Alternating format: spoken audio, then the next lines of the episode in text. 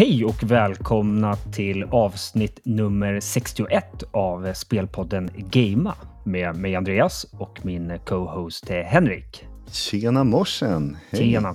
Du, du får vara snäll med mig idag. Jag mm. eh, var på hockey igår på mm. ett fullsatt eh, Avicii Arena, men jag säger alltid Globen. Alltså jag har aldrig kallat det Avicii Arena. Nej, inte jag det, heller. Det är bara så här bassord på något sätt för mig. Ja, sen är det jättefint. Jag menar, den här Avicii Foundation handlar mm. om mental ohälsa och i synnerhet eh, kampen mot, säger man så, kampen mot självmord. Ja, jo, det, det, alltså, om man i DJ-världen så är det ju mycket mental hälsa som, som snackas om.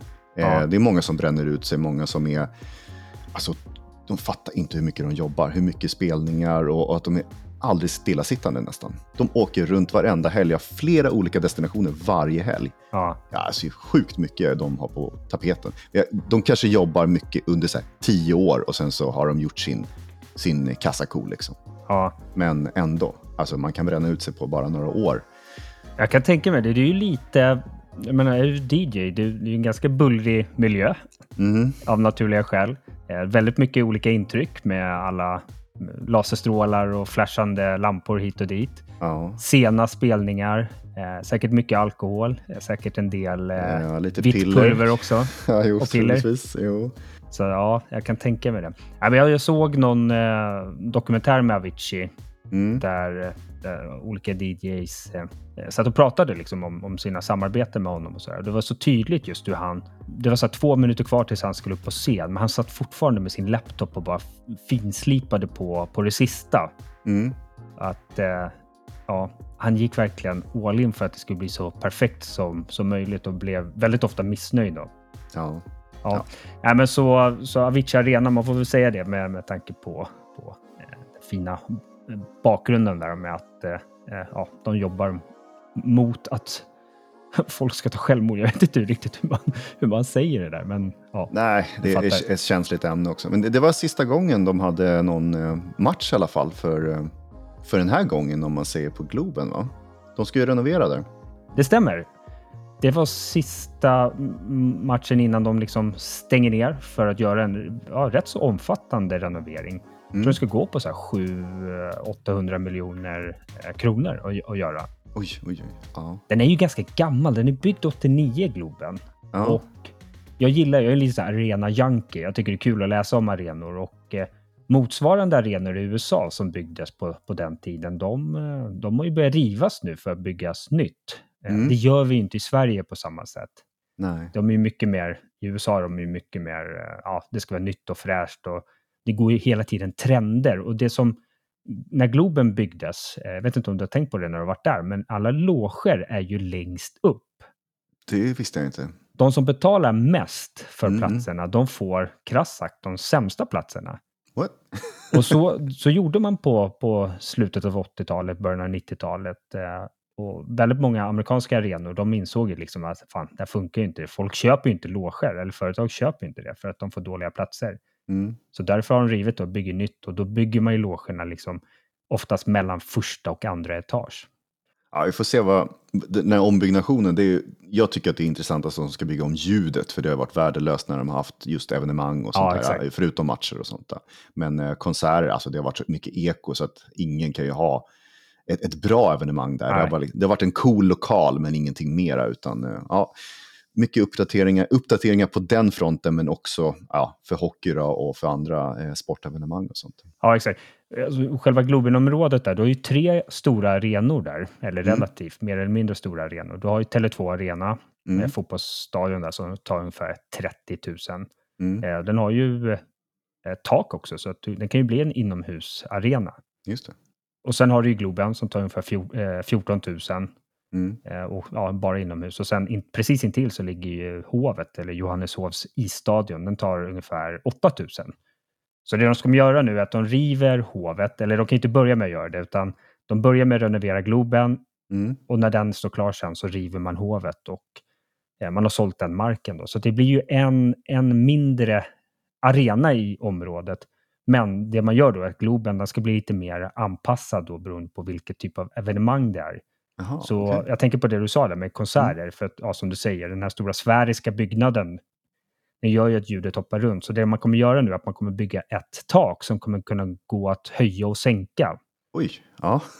Vilket gör att om du spelar hockey inför 7-8 tusen, ja men då kan du sänka taket och så blir det en lite mer intim arena.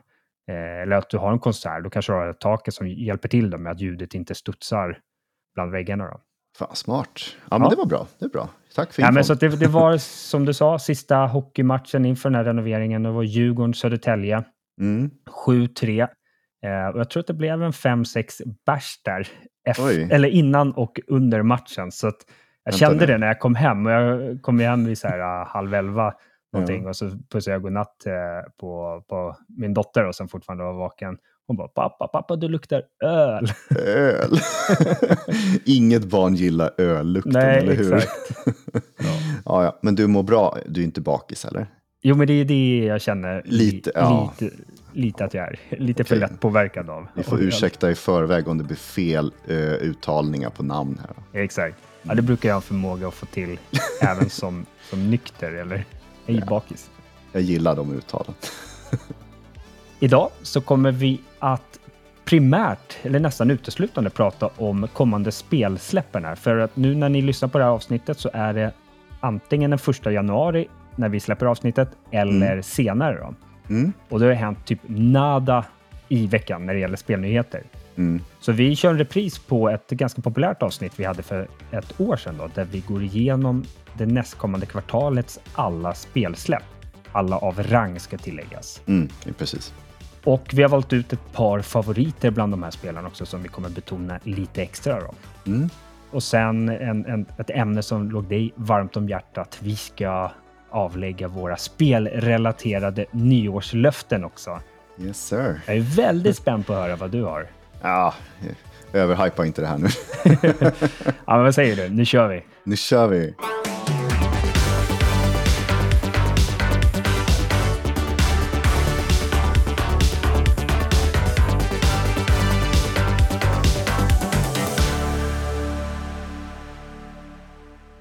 Ja, den enda nyheten som vi kände att det var värd att ta upp, för i övrigt var det mest rykten och typ, ja, väldigt, väldigt små nyheter. Men Sony passade på att eh, släppa nyheten vilka spel som föräras som januari månads Playstation Plus-spel. Och då är det alltså den här instegsversionen av Playstation Plus, Essential. Mm. Och ja, apropå uttal, nu tungan rätt i mun här, men eh, A Plague Tale Requiem Requiem, ja. Requiem. ja, nästan, nästan. 99 procent rätt, yes.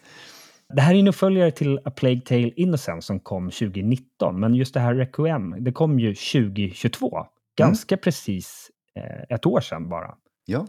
Och det var ju ett storspel då när det kom, så jag blev, blev faktiskt lite överraskad att eh, de redan nu liksom, ja, släppte det på Playstation Plus då. Mm. Ja, alltså det är ett, ett skitbra spel liksom för, för den stora massan så har det reviewats ganska bra. Det har ju legat på Game Pass när det kom. Det. Men man har ju tänkt så här hela tiden att, ah, vänta, måste jag börja spela det, det föregående spelet för att kunna spela det här? Ja, kanske det, men jag orkar inte. Jag, jag hoppar på det här direkt, men jag har liksom aldrig tagit steget och köpt det. Man har tänkt att ah, det kanske kommer på en rea lite längre fram. Och så så nu att vi får, om man claimar det här, då får man ju behålla det för, ev för evigt om man säger så länge man har Playstation Plus. Just det. Eh, Essentials.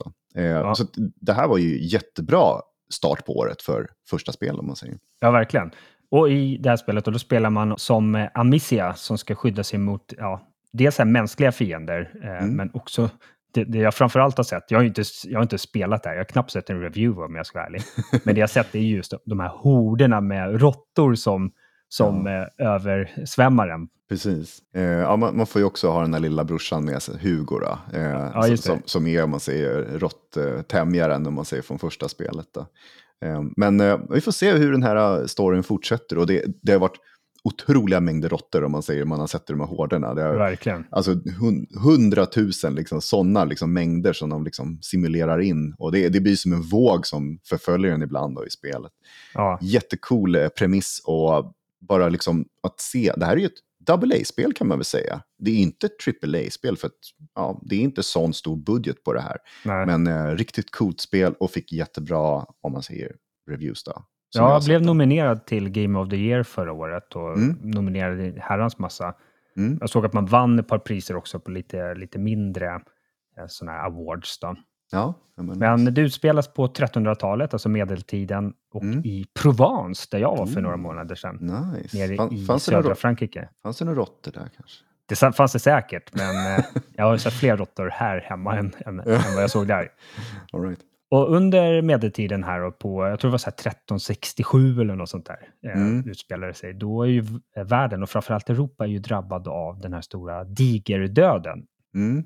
Eh, den, den här sjukdomen tog ju alltså 75 miljoner liv i, i hela världen eh, och 25 miljoner i Europa.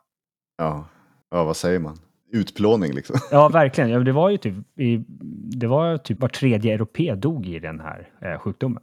Ja. Det är helt ja. enormt alltså. Läskigt. Där, där tänker jag kopplingen till råttor, då, för det är väl, de är väl ganska utskällda för att eh, sprida sjukdomar.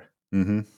Sen fick vi även Evil West eh, som, som eh, spelsläpp här på Playstation Plus. Och mm. eh, det är ett spel som vi båda har spelat. Vi har pratat om det. Jag kanske kan komma in på det lite senare, just att jag har faktiskt inte klarat eh, av det ännu. Mm. men du spelar i, i västra USA och du är en sån här vampyrjägare som heter Jesse. Jag, kom, jag kommer faktiskt inte ihåg premissen, det var så pass länge sedan jag spelade det. Men på ett eller annat sätt så är ju världen eh, invaderad av olika vampyrer av dess olika slag. Mm. Eh, och en del riktigt maffiga eh, bossar. Då. Ja. Det är en tredjepersonsskjutare och eh, ja, du har lite olika vapen till, till din hjälp och även en del så magiska krafter. Det är väldigt så mörk spelvärld, men samtidigt har du ju ja, magiska krafter som lyser upp skärmen. Så jag minns det så väl hur, ja, vi har ju båda eh, OLED-TV. Mm. Jävla läckert det var rent eh, visuellt, det här spelet. Absolut. Jag spelade igenom hela storyn och tyckte det var otroligt coolt och ganska svårt faktiskt också. Ja. Mot, mot slutändan speciellt var vissa episka bossar där som bara wow, jag kommer inte klara det här. Jag fick verkligen studera mönstret hur jag skulle göra och så. Men ja. man kunde ju spela co-op, men vi spelade inte så mycket co-op. Det var två play co-op. Men Just det var det. Exakt, exakt samma karaktär. Det var så här, två Jesse som sprang omkring där och såg exakt likadana ut. Så det är lite tråkigt att man inte hade någon så här unik eh, karaktärutseende. Då. Men eh, riktigt roligt spel. Jag tycker om sådana här, det är lite Remnant-koncept, eh, alltså det är Souls-baserat men ändå med skjutvapen. Ja. Jag gillar, jag gillar sådana spel mer än vad jag gillar just bara Souls-spelen, för de är ju melee och ja, i princip mag magi och sånt. Men här är det mer så här, skjuta, skjuta, jag älskar det. Så att, eh, Sen har man jag... lite mer överseende, för det, det jag mm. tycker Evil West är, är det typiska äh, spelet på, det är att det är ett double A-spel. Mm. Eh, kostade runt 400 tror jag när det, när det släpptes. Ja, det, det var lite billigare, precis. Ja. Och då har man lite, det är som med Remnant och Remnant 2 också, man har lite mer överseende då på något sätt. Liksom, att det är mm. lite avskalat. Det är, ja, som du sa, co-open där, den, den är lite förenklad då. Du spelar samma karaktär och jag vet inte om den är om det bara är en som får progress och så vidare. Men, men just mm. det här med att ja, men vi, vi har en liten billigare prislapp, då, då får man som spelare lite, lite större överseende med att det faktiskt inte ger samma vad ska säga, upplevelse som Last of Us eller God of War. Nej, ja, men det rekommenderas starkt och lite så här Xbox 360-känsla liksom på eh, arkad shooter eller man ja. ska säga. Jätteskönt spel. Eh, och sen det tredje och sista spelet då, Nobody Saves the World. Ett mm. spel jag faktiskt aldrig hörde talas om. Jag tror att det var Game Pass, eller jag kanske inte kom på Game Pass, men det var Xbox exklusivt de första tre månaderna i alla fall. Okej. Okay. Mm. Uh, det är Top-Down Action RPG. det är mm. jag tänker alltid när jag ser de här spelen, jag säger alltid en Zelda-klon. Just när det är top-down. Jag tycker alltid att det är så här, det, för mig är det Zelda. De här old gamla. Style. Ja, ja, old style kanske. Zelda liksom. Mm. Det här är ett Dungeon Crawler-spel kan man säga. Jag tror att det finns både liksom en, en overworld och en underworld. Att du, du har en stad och värld ovanför ytan och sen kan du gå ner ja, i olika dungeons och så vidare. Och då kommer du ner i grottor och så vidare. Mm. Och man spelar som en karaktär som just heter Nobody. Eh, därav Nobody Saves the World. Så mm. det, det, är han Aha. eller hon eller den som gör det. Right. En väldigt så här, generisk eh, karaktär. Jag tror att han är helt så här, vit, bara helt intetsägande. Men det han, kan, han eller hon eller den kan göra då, att han kan skifta karaktären till 18 olika former. Oj. Så Nobody kan bli en bodybuilder, kan bli magiker, en necromancer, men också liksom drake, häst och så vidare. Och alla de här har ju sina egna egenskaper. Så att du kan liksom mid-game så kan du byta skepnad. Fy fan. Jag har inte spelat eller sett det här spelet, alltså ever. Nej, inte jag heller. Men, men jag blev så jäkla taggad när jag såg det. För det var väldigt så här fartfyllt eh, och otroligt färgglatt. Det så väldigt där, ja, men, vet du, gälla färger, goa, mm. glada färger. Och så just att det är lite så här pixligt, men inte det här supernördiga pixliga. Ja, men sen just också det här med att du byter skepnad mitt i, i fighten.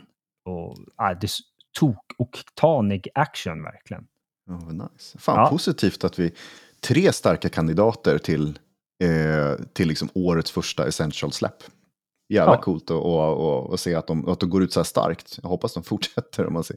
Playstation har ju ibland tendens till att gå upp och ner och upp ja. och ner i de här kvaliteterna på essential-spelen. Ja, positivt trend nu då. För för mig mm. december också var en väldigt bra, bra månad. Ja, men precis. Ja, jag tänkte att vi, så att vi inte bakar in det sista avsnittet. Jag skulle vilja höra nu eh, dina, eh, dina nyårslöften här nu. Nyårslöfte. Löfte, okej. Okay. Du, du håller dig till ett. Okay. Ja, men vadå, ska man inte bara ha ett nyårslöfte? Ja, det är det liksom, okej, okay, det här är inom spel. Det är inte inom liksom, eh, hela världen. Liksom. Jag har ju kanske andra saker, andra hobbys också. Liksom. Men eh, just spelrelaterat så, mitt nyårslöfte ja. är att jag måste spela klart mina single player-spel. Jag ska inte starta ett nytt innan jag har klarat det här som jag liksom påbörjar. Jag är en riktig expert på att liksom, kanske spela 10% och sen bara, ah, men jag lägger på hyllan och så glömmer man bort det. Lite som man har gjort med många storspel, AAA-spel och bara, vänta, det är helt onödigt när jag köpt det här till fullpris ja. vid launch och spelat så lite för att senare kanske glömma bort det eller ta upp det två år senare och spela klart det när det kostar en spottstyver av ja, vad det kostade när jag köpte.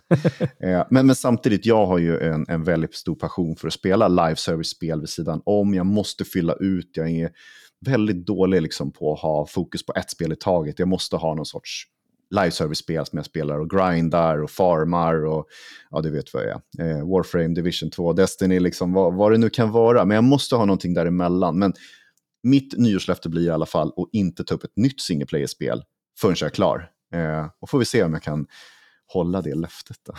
Ja. ja, har du själv då? Vet du, jag hade, och jag tror att eh, det är så här 75 procent av alla spelare har säkert just det här. Så det var ju mitt initiala nyårslöfte var också just så här, spela klart spel jag påbörjat. Mm. Och jag har ju förmåga att spela klart spelen så här 80 procent. Jag har ju väldigt dåligt tålamod. När, när jag känner att saker och ting går i stå på något sätt, att det känns att man gör samma, samma sak hela tiden, mm. då, då tröttnar jag. Alltså jag känner bara, ah, jag ser liksom inte ljuset i tunneln på något sätt, utan eh, jag borde där kanske förstå, bara, ah, men det är två timmar kvar av spelet, håll ut liksom, så får du äntligen se eh, slutscenen i det. Mm. Eh, så jag har ju ett gäng spel, så jag har väl ett och ett halvt nyårslöfte här för det ena halva där då, det är precis som du, spela klart det jag påbörjat. Och framförallt de här jag har kommit väldigt långt i och inte borde ha speciellt långt kvar. Och då, jag nämnde Evil West här och mm. jag vet att jag nämnde det tidigare att jag har nu spelat 85 procent av spelet. Mm. Sen har jag bara lagt undan det. Men jag har till exempel God of War Ragnarök, jag har inte heller spelat klart. Eh, mm. vet att jag kommit väldigt, väldigt långt i det. Jag borde liksom bara, om jag bara fokuserar på main storyn så, så är jag klar på den på en kväll skulle jag tro. Ja. Eh, ett nyare spel som, som jag också bara lagt lite åt sidan, det är ju Spiderman 2. Fast jag mm. tycker det är hur coolt som helst, så bara, men just nu är det andra spel då. Mm. Och sen Zelda Tears of the Kingdom. Och där har jag inte kommit några 80 procent, där kanske kommit 5 procent. det, är, det, är väldigt, det är långa spel på en tendens där med Tears of the Kingdom. Det är väl ganska långt om ja. man jämför med Spiderman 2 och God of War Ragnarök, de är väl typ 40 timmar någonting. Så att, ja, det, där är lite mellantinget. Då. Men Spiderman 2 borde du kunna klippa eh, rätt fort, tror jag. Ja, ja men jag tror det. Ehm. Men sen mitt riktiga nyårslöfte, tänker inte orda så mycket om det egentligen, men det är att jag måste bli bättre på att använda mig av Playstation Plus Extra och Game Pass som jag, mm. som jag faktiskt betalar eller betalat för. Det klassiska problemet att man har någonting som man inte använder.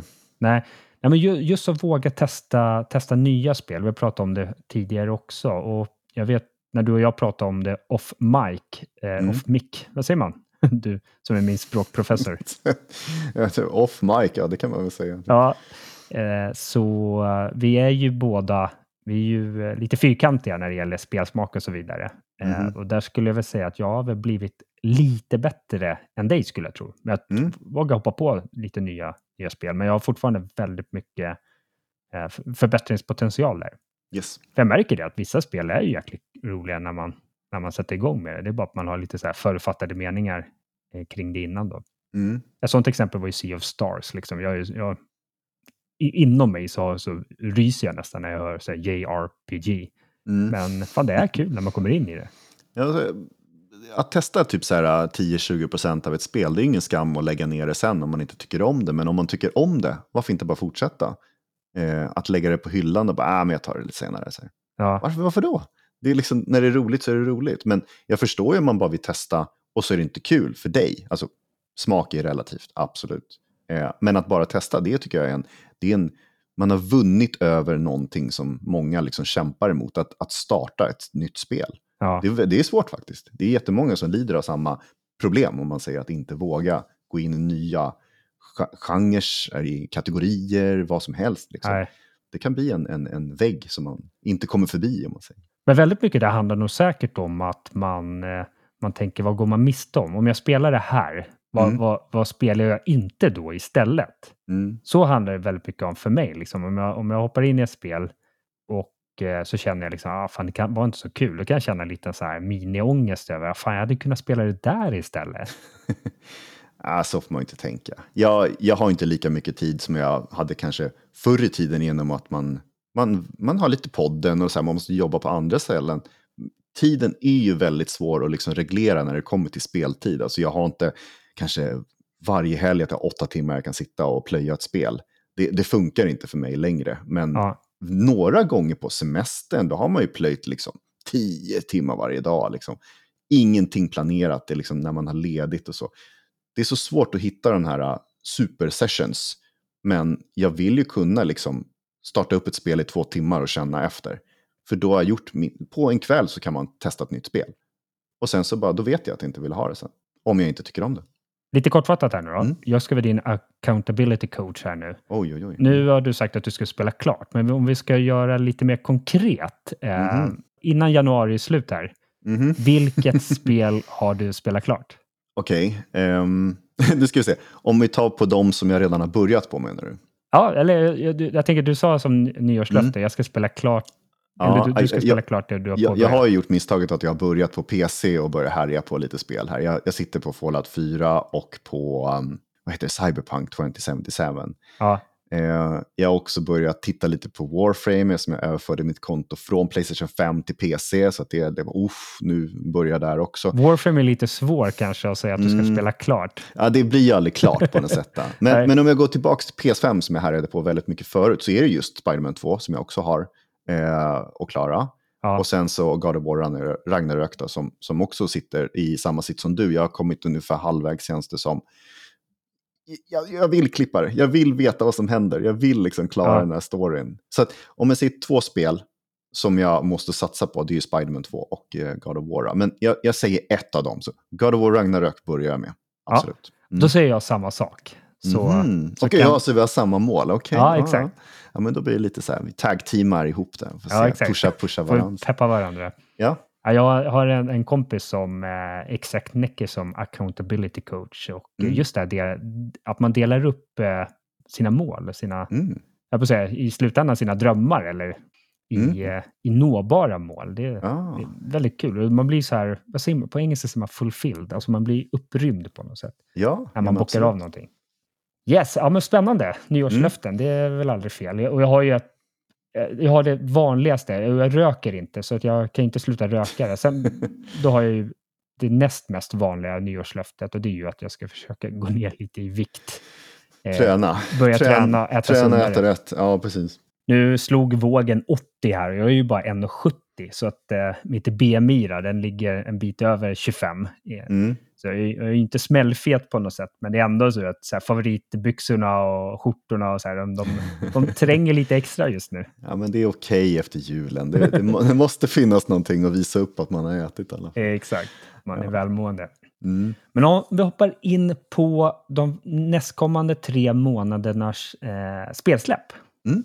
Så, så kör vi igång där direkt med, med januari då. Yes. Eh, det tar någon vecka eller två in här innan de första spelen kommer av rang. Då. Men den 18 januari så släpper mm. Ubisoft Prince of Persia The Lost Crown.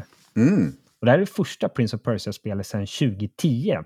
Det här är en väldigt gammal spelserie. Jag kollade just när, när det första släpptes. det var 1989. Då kom det till ja, bland annat min favoritdator genom alla tider, då, Amiga. Mm. Jag kommer ihåg att det var väldigt revolutionerande. Att det var, lite, det var så här, plattformsspel, men att det var lite 3D-effekt i det. Att det var lite, inte isometriskt, men, ja, men du hade en viss dimension. Det var inte bara liksom Platt. Ja, pl superplatt. Då. Nej. Och precis som, som det spelet så kallar man just det här 2,5D-sidoskrollande plattformsspel. Mm. Eh, och det är ju så här Mellanöstern-tema. Man, man, jo, man spelar som Sargon. Sargon något franskt säkert. Ja. Sargon. Eh, och man ska till den här eh, mystiska staden Mount Kaf. Och där ska man minsann rädda en kidnappad prins. Ja. Och vi har ju fått se det här lite omgångar under 2023 här på lite olika showcases. Och det är ju så väldigt så färgglad och fin grafik och ja, det är ju Mellanöstern liksom. Så det är ju det här med sand och väldigt, väldigt mycket guld och färg, färgglada kläder och så. Då. Mm. Eh, och det är inte så konstigt att det, att det ser extra fint ut i och med att det görs av studion som även gjort Rayman-spelen. Som Just. verkligen är så kända för att liksom, det är så här handritad grafik. Ja, Eh, för det, frame är, för frame. det ser väldigt unikt ut om man säger på det sättet. Det är, ju, det är väldigt snyggt. Även fast det är inte det snyggaste spelet så har de ändå hittat en, liksom en, en fin kontrast till allting Ja. på något sätt. Eh, det här spelet, det känns ju som att många kanske längtat efter den här uh, combat-stilen i Prince of Persia på något sätt. Det är lite Sands of Time, du vet det här gamla spelet där man Ja, kunde det. twista lite med tidsgrejer och sånt. Det, det är lite sånt i det här spelet också. Eh, det ska också vara 20-25 timmar långt. Inte så, det är inget jättespel, men det är precis så här lagom att man liksom kommer igenom det på en vecka eller något sånt där om man spelar lite varje dag. Ja, exakt. Eh, väldigt mycket plattformskills i det här spelet. Jag gillar Ja. ju det. Det, är- det. det ser ut att kunna vara ett speedrun-spel om man verkligen är, är inne på den fronten. Där. Med mycket snabba reaktioner och sånt där. Mycket kombos och så här. Och bossarna ser så jävla coola ut. Och Ja. De är verkligen en utmaning. Mycket bossar på en gång. Liksom, så här. Det är inga två bossar på hela spelet, utan det är så här massor med olika bossar och coola. Eh, 60 FPS på alla plattformar har de lovat faktiskt, så att det, är, ju- det är väldigt optimerat det här spelet. Det kommer ju till alla plattformar som man kan tro. PS4, PS5, Switch, Xbox, alla då, One, S och X och PC. Så att ja, det är bara att hugga in. Ja, 60 FPS på Switch alltså. Ja, är- det, det, det ser coolt ut alltså, om det skulle hålla det måttet. Jag hoppas att det inte, det inte dippar ner och sådär för mycket. Vi får se vad Digital Foundry säger i slutändan. Exakt. Dagen senare Mm. så kommer Last of Us Part 2 Remastered. Mm. Och eh, det är ju Naughty Dog och deras eh, andra del i, i The Last of Us. Mm. Eh, den kom ju 2020, precis innan PS5 kom. Mm. Jag för mig att det blev något år försenat, att det skulle kommit 2019. Jag tyckte jag läste det någonstans. Eh, så jag vet inte om man egentligen initialt hade kanske tänkt släppa det här på PS5, alltså som, som en riktig PS5. Om Ja. man hade vetat att det blev så pass nära. Men, men det är först nu då som vi får den här lite mer upphottade versionen. Då. Ja. Och det, det vi får då, i Remaster det är att det är snyggare, inte helt otippat kanske. Det kommer ha två olika 4K-lägen, Fidelity eller Performance. Då. Eh, jag tror Performance det var så uppskalat 1440p till, till 4K. Eh, mm, så att du får lite, lite, lite fulare, eller man ska säga, men du får eh, kanske en mer stadigare FPS. Då. Mm. Sen kommer du få stöd för VRR också, då, för, för Okej. de som har tv-apparater med det. Yes. Snabbare laddningstider. Jag har ju inte kört de här spelen. Du kanske vet om det är väldigt långa, men det, Alltså- det var, det var ett, en USP i alla fall. Någonting man tryckte på. Det kommer gå snabbare att ladda mellan banorna nu då.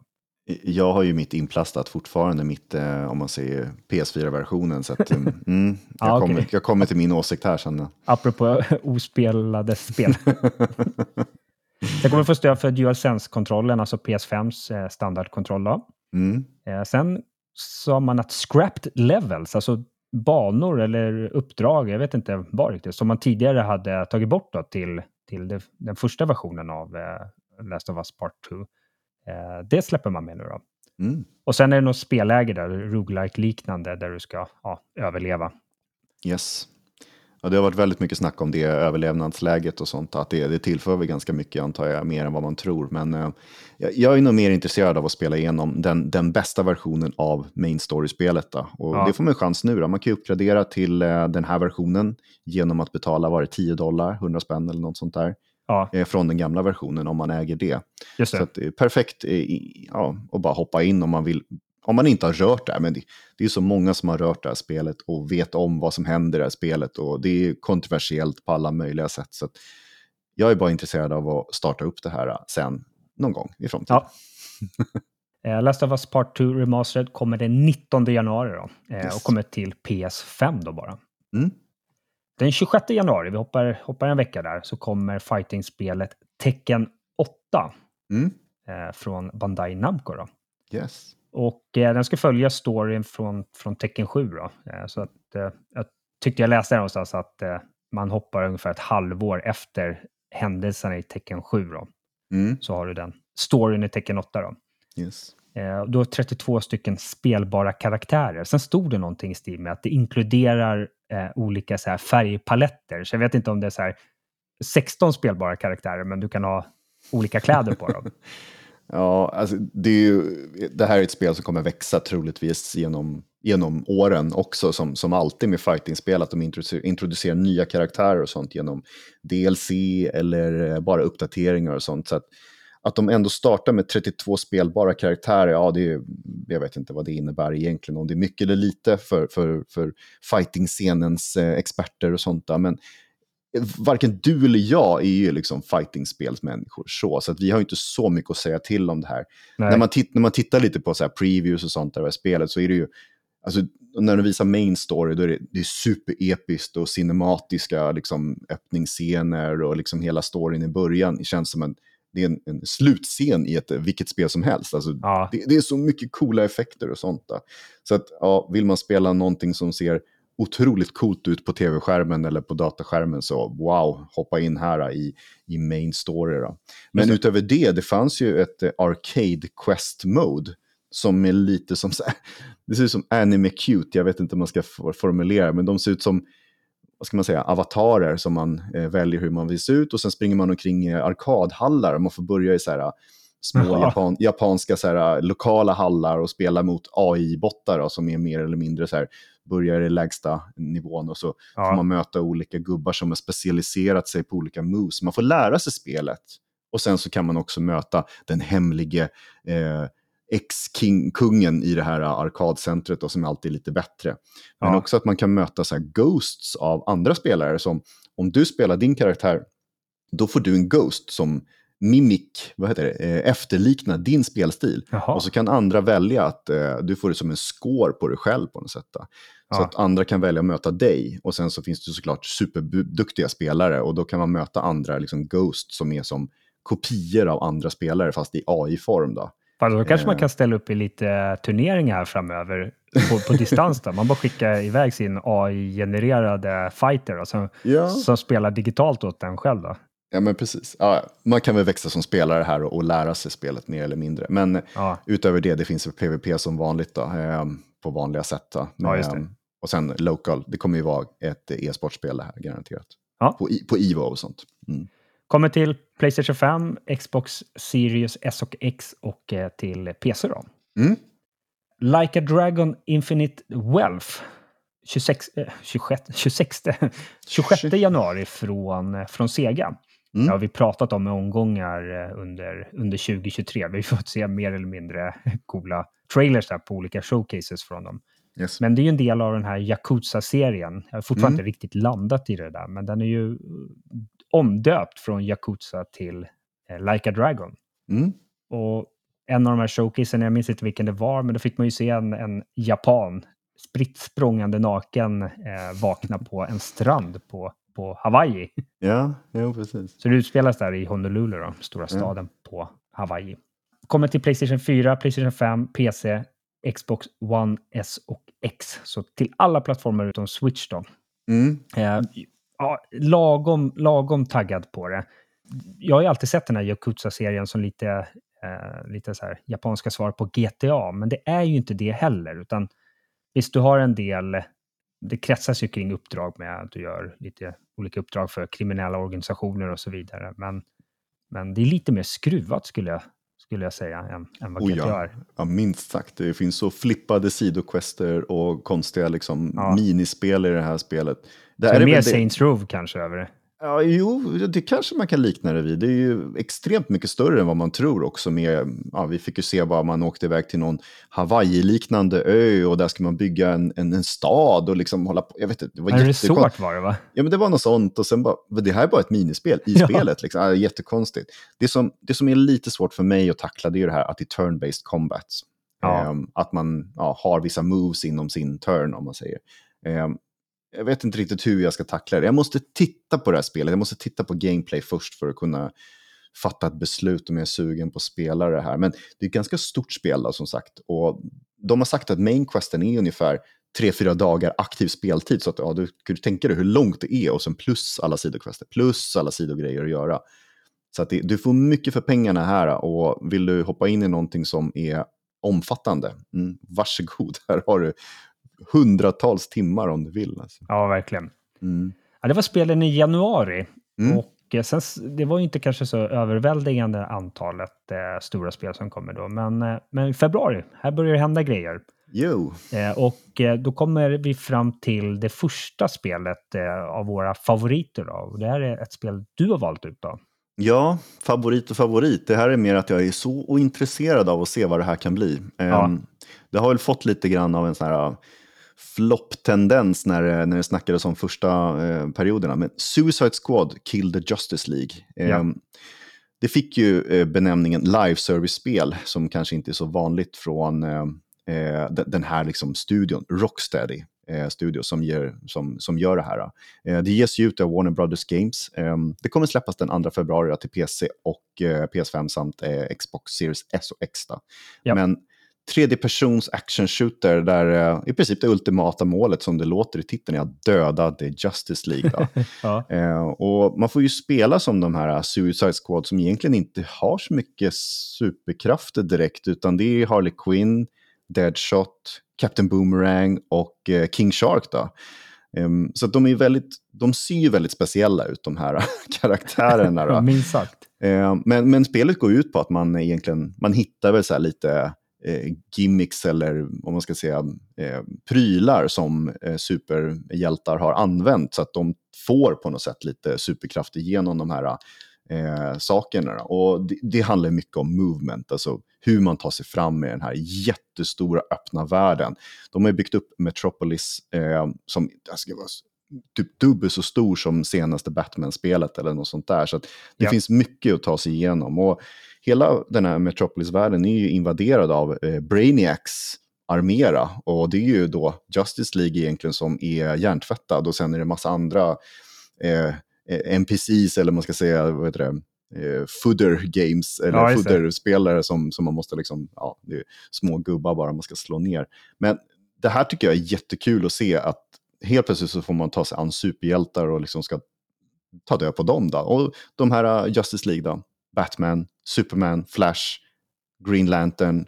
Det är de som är, eh, om man säger hjärntvättade. Då. Ja. Sen har vi också Wonder Woman, men hon verkar inte vara hjärntvättad. Hon verkar bara vara, vara med och, och, och hjälpa oss då, som, eh, eh, som Suicide Squad. Jag vet inte hur det funkar riktigt, men de har visat att hon inte är riktigt hjärntvättad. Jag vet inte om hon har någon sorts motståndskraft. Då, från... Så det, här, det är ett litet omvänt univers, eh, mm. universum, på att säga, där, liksom, där de vanligtvis är bad guysen är the good guys. Typ, det blir väl lite så, även fast de fortfarande är bad guys, men de, de är ju ganska de är ju typ så anställda av någon för att göra det här ja. liksom, ja, deedet, eller vad man ska säga. Det är väldigt flippad värld om man säger, man är inte van vid det här. De vill göra sin take på den här skurkstoryn om man säger. Ja, eh, men, men det är ju ett loot-spel, loot and shoot-spel, mycket live service där det kommer ju vara microtransactions garanterat det här spelet. Ja, vi, det läckte väl några skärmdumpar från menyn då, där, där, där man kunde se typ ja. store, eller jag kommer inte ihåg vad det stod, men det var så tydligt bara. Jag tror inte de har ändrat någonting på det här sen, eh, sen vi såg det heller. De har Nej. bara liksom eh, gått under, under radarn lite för att komma upp igen och bara, eh, glöm inte bort att vi finns. Ja, ungefär. Men som sagt, väldigt mycket stort fokus på story och gameplay för att det är de som utvecklar. De har verkligen de har ju stor passion i just story. Eh, så vi får se hur det här blir. Jag är väldigt intresserad av, eftersom gameplayen ser väldigt rolig ut, det ser ut att gå väldigt snabbt och väldigt blandad spelstil liksom på alla de här olika fyra i Suicide Squad. Man får ju välja lite hur man vill spela och sådär. Ja. Eh, man kan spela som solo eller som co-op, upp till fyra spelare, så varje människa styr en varsin karaktär. Annars så får du ju solo, då får du tre stycken AI-bottar som springer omkring och är de andra. Så kan man byta mellan alla gubbar hela tiden. Då. Just det. Ja, intresserad faktiskt, även fast det har en viss floppkänsla över just initiella liksom, ja, ja. omdömet. Ja, men jag fattar precis vad du menar. Det är lite, vi, vi pratar väl hur många avsnitt i rad som, eh, om spelet The Day Before. Och det mm var ju mhm. inte för att vi var kanske så här, åh, det kommer bli årets bästa spel, utan det var mer så här, vart, vart barkar det här åt liksom? Ja. Så jag, jag håller till fullo med. Det är också ett spel och kommer hålla extra öga eh, på dem. Mm. Ja, vi får se. Och, och just det här co-op-läget, ja, kanske kan bli någonting. Ingenting jag kommer förbeställa, men eh, visar sig vara en, en hit, ja men då, då kanske det kan vara någonting vi kan gamea tillsammans då. Ja. Eh, det kommer den 2 februari, som du sa, och då mm. kommer mm. även Persona 3 Reload, mm. som släpps av Sega. Och det är ju en remake på Persona 3 som kom 2006. Eh, var tvungen att kika lite grann. Väldigt bra betyg faktiskt. Ligger på 86 på Metacritic, alltså originalspelet. Då. Mm. Eh, ja, vad ska man säga? Ett japanskt rollspel. Eh, sen kollar jag lite bakgrundshistoria. Liksom. Vad är det för story? Då? De kan ju vara mer eller mindre lökiga de här. Men mm. spelets hjälte förlorar sina föräldrar i en bilolycka. Men får sedan typ någon form av magisk kraft. Då, och då, ja, vad gör man då? då? Jo, men då joinar man ju någon gruppering då, som, som jagar demoner och ska lösa ett mysterie kring något som heter Dark Hour, den mörka timmen. All right. det låter ju som en setting i ett japanskt rollspel, eller vad säger du? Alltså jag har inget intresse av det här. Jag kan inte säga att jag är hypad på något Nej. sätt. Alltså. Nej, med all respekt för, för er som gillar den här typen av spel. Och ni kommer kunna spela det på Playstation 4, Playstation 5, PC och eh, Xbox One S och X. Då. Mm. Sen kommer vi in på något svenskt här. Eh, mm. Och ditt andra spel som du har betonat lite extra. Eh, mm. Helldivers 2. Ja, um, ja, vi har pratat om det här ganska länge och det blev lite försenat och sådär från förra året. Då. Eller ja, förra, vi sitter fortfarande 2023 och pratar, men det ska släppas nu då, 8 februari till eh, PC och PS5, då, inte till Xbox eftersom det är publicerat av Playstation. Då. Just det. Men eh, det är en tredjepersons, om man säger action shooter från Arrowhead Game Studios. Eh, var var det de satt någonstans i Sverige? Visst var det typ Hammarby Sjöstad där för mig? Ja, vi fan får åka dit och spana lite genom fönstret. Ja, precis. Och kika så här. kika. Kom, vad heter det? Espionage. ja, men exakt. Um, jag vet inte hur stor studion är och sådär, men jag har alltid sett fram emot att de här liksom ska få göra ett spel som blir populärt så att de kanske blir eh, uppköpta av Playstation, man vet ju inte. Eh, de brukar ju göra så, de fokuserar på att jobba tillsammans med en, en game studio och sen så kanske de eh, ja, köper dem. Då. Men det är en co-op shooter, eh, max fyra spelare i varje Fireteam. Ja, det är bara ett fireteam i varje värld. Eh, Max fyra. Det där lät lite så här, är glaset halvtomt eller halvfullt? Jag kan säga ja, det är upp lite till konstigt. fyra också. Upp till fyra spelare, ja precis. Man blir matchmakad kan jag tänka mig, men man kunde spela single player i ettan. Så att, ja, kanske ah, okay, inte. Ah. Men, men, som sagt, det är ju väldigt mycket fokus på samarbete, så att rekommenderas att spela med eh, så många som möjligt. Ah. Tyvärr så är det ju kvar det här roliga, eh, Friendly Fire vi har ju, Tyvärr, ja. vi, du, både du och jag och Michel, vi har ju fortfarande skjutit ner varandra ganska många gånger. Ett par gånger. um, man får ha lite, uh, lite förmåga att placera sig rätt. Liksom. Det är mer som en, uh, du ska stå i en linje nästan istället för att stå framför varandra och sådär skjuta. Men det finns ju jättemycket roliga nya funktioner och gamla funktioner som kommer tillbaka. Då. Och det som var nytt då, det var det här team-based weapons. Um, i princip att någon bär ett vapen, en rocket launch eller någonting, och en annan bär ammunitionen till den här. Så att du kanske står och matar in eh, ammunition i den här rocket launchen, så står jag och siktar och skjuter och bara trycker på liksom, ah. avfyrningen. Så man måste vara två stycken för att bemästra det här. Om man säger. Okay, cool. eh, det här spelet dör man i ofta, som sagt. Eh, det handlar om att i princip bara acceptera att du kommer dö ofta. När man dör så kommer man kunna respawna såklart. Men då måste man åka och hämta upp sina vapen igen. Så att där du dör måste du springa tillbaka och hämta dina speciella vapen. Annars ah. får det nog vara någon minipistol eller något sånt där. Så att det är lite så här, du måste springa in i fientliga zonen. Så försök att inte gå bakom eh, fiendelinjen för långt, för då, då blir det lite jobbigt igen. Då. Eh, stratagems jag vet att det fanns i förra spelet också. Men det är ju speciella vapen eller skills som man kan kalla på med en sån här knappkombination. Så typ så här, upp, upp, ner, ner, B, A, vänster, höger, bla, bla, bla. Och så får man en, eh, vad ska man säga, en, eh, en raket från himlen som bara boom och så kanske du får ett nytt vapen eller en, eh, en meck eller någonting att hoppa in i eller en, en miniturret som sätter sig på en plats där du liksom kan hålla din position och sånt där väldigt mycket, eh, man kan välja mellan olika innan man går in i en, en bana. Då. Ja. Eh, sen så är det, det är massa olika vapen. Massa olika coola armor sets att samla på som man kan se ex exceptionellt unik ut. Då. Men det finns också olika klasser. Så du väljer om du vill ha armor som är tungt, då tål du mycket. Om du väljer en som är light, då kan du springa lättare och kanske lite mera stealth gameplay och sånt där. Att du springer runt bakom och är en sniper eller något sånt. Ja, Men mycket, mycket levla, uppgradera och allting för att, för att kunna liksom, ja, bygga vidare på din karaktär. Och målet är ju då att återta den här super-earthen som har blivit invaderad som, som vanligt då, i det här spelet. Eh, det är väldigt mycket, um, man ser samarbete i det här spelet. Så att, ja. Uh, du kommer nog få höra, om det är open mic, så kommer du få höra så här, going in, uh, going left, right. Uh, kommer vara många eh, före detta militärer som springer omkring och rollspelar här. Va? right. Eh, men det, det, ser ju väldigt eh, positivt ut alltså, när jag tittar på gameplay och sånt. Vi får se om det, det är ett double A-spel.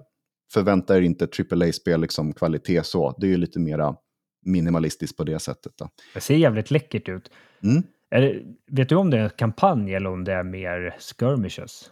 Ja, det blir ju en kampanj eftersom du liksom åter, vad ska man säga, du återtar delar av kartan hela tiden och alla olika uppdrag. Ah, så okay. det, det, kommer ju vara, du kan ju forma saker hela tiden då. Eh, jag vet inte riktigt vad slutmålet är förutom att liksom, ah, nu har du klarat av hela storyn. Men det kommer nog fortsätta bli ett evighetsspel. De kommer nog att ha det som någon sorts här live service likt, jag vet inte vad man ska kalla det, ja, men det. de har inte gått in på för mycket information. Det kommer väl lite mera så småningom. Ja. Vi får se. Ja, spännande. Helldivers 2 då, som sagt. Mm. Och den 8 februari till PC och Playstation 5, som du mm. sa. Den 13 februari då kommer Banishers Ghost of New Eden. Mm. Eh, och släpps av Focus Entertainment, men, men utvecklas av Dontnod. Nicka inte, eller vad betyder det? Dontnod. Eh, och de har ju gjort Life is Strange, så de kan ju det här med att berätta en historia. Då.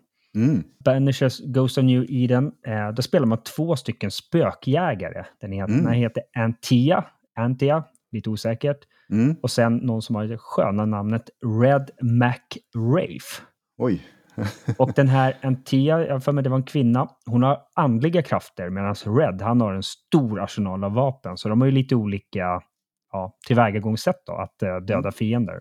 Yes var lite så här vagt. Det stod så här utspelas i Nordamerika, eh, säger de.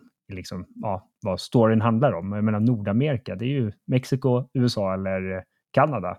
Mm -hmm. Jag tyckte det var lite, lite vagt. Så här. Säger man inte bara USA om det är där? Men... Ja, ja, visst.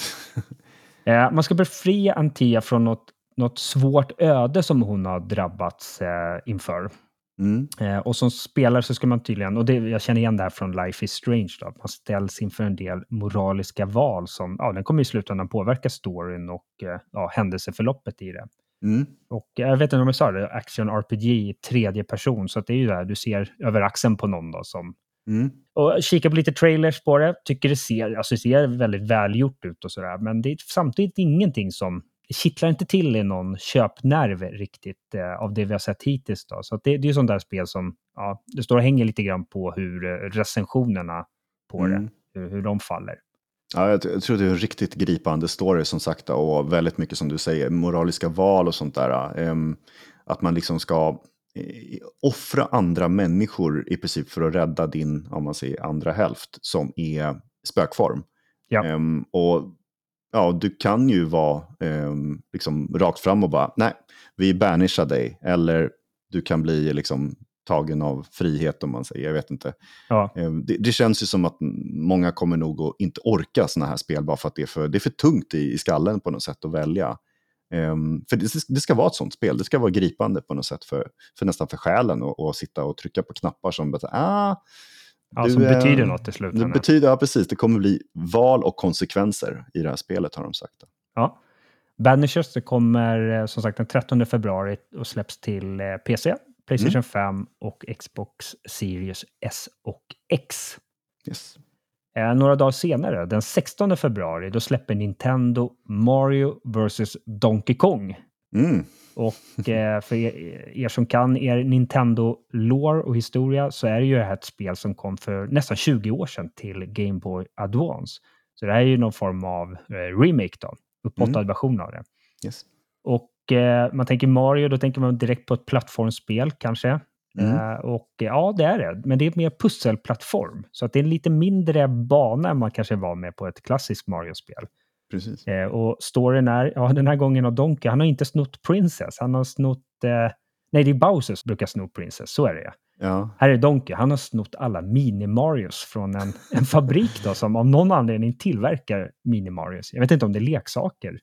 Ja, det är nog så här, de är i bubblor, så här glasbubblor och så är det en liten mini-Mario i det. Ja, exakt.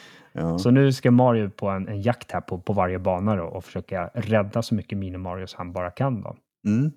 Och jag tror att det här är nytt. Det måste ju nästan vara det. Jag kommer ihåg de här Gameboy-maskinerna back in the days. Det gick ju att seriekoppla dem, eller hur? Så du kunde spela flera stycken. Jo, det Samma spel, ja. Men eh, här kommer du kunna ha local co-op då. Aha, så det ser, okay. ja, det, det, ser väldigt fyndigt ut, eh, men väldigt, så här, väldigt smalt. Alltså det känns ju som ett mobilspel i avancerad form.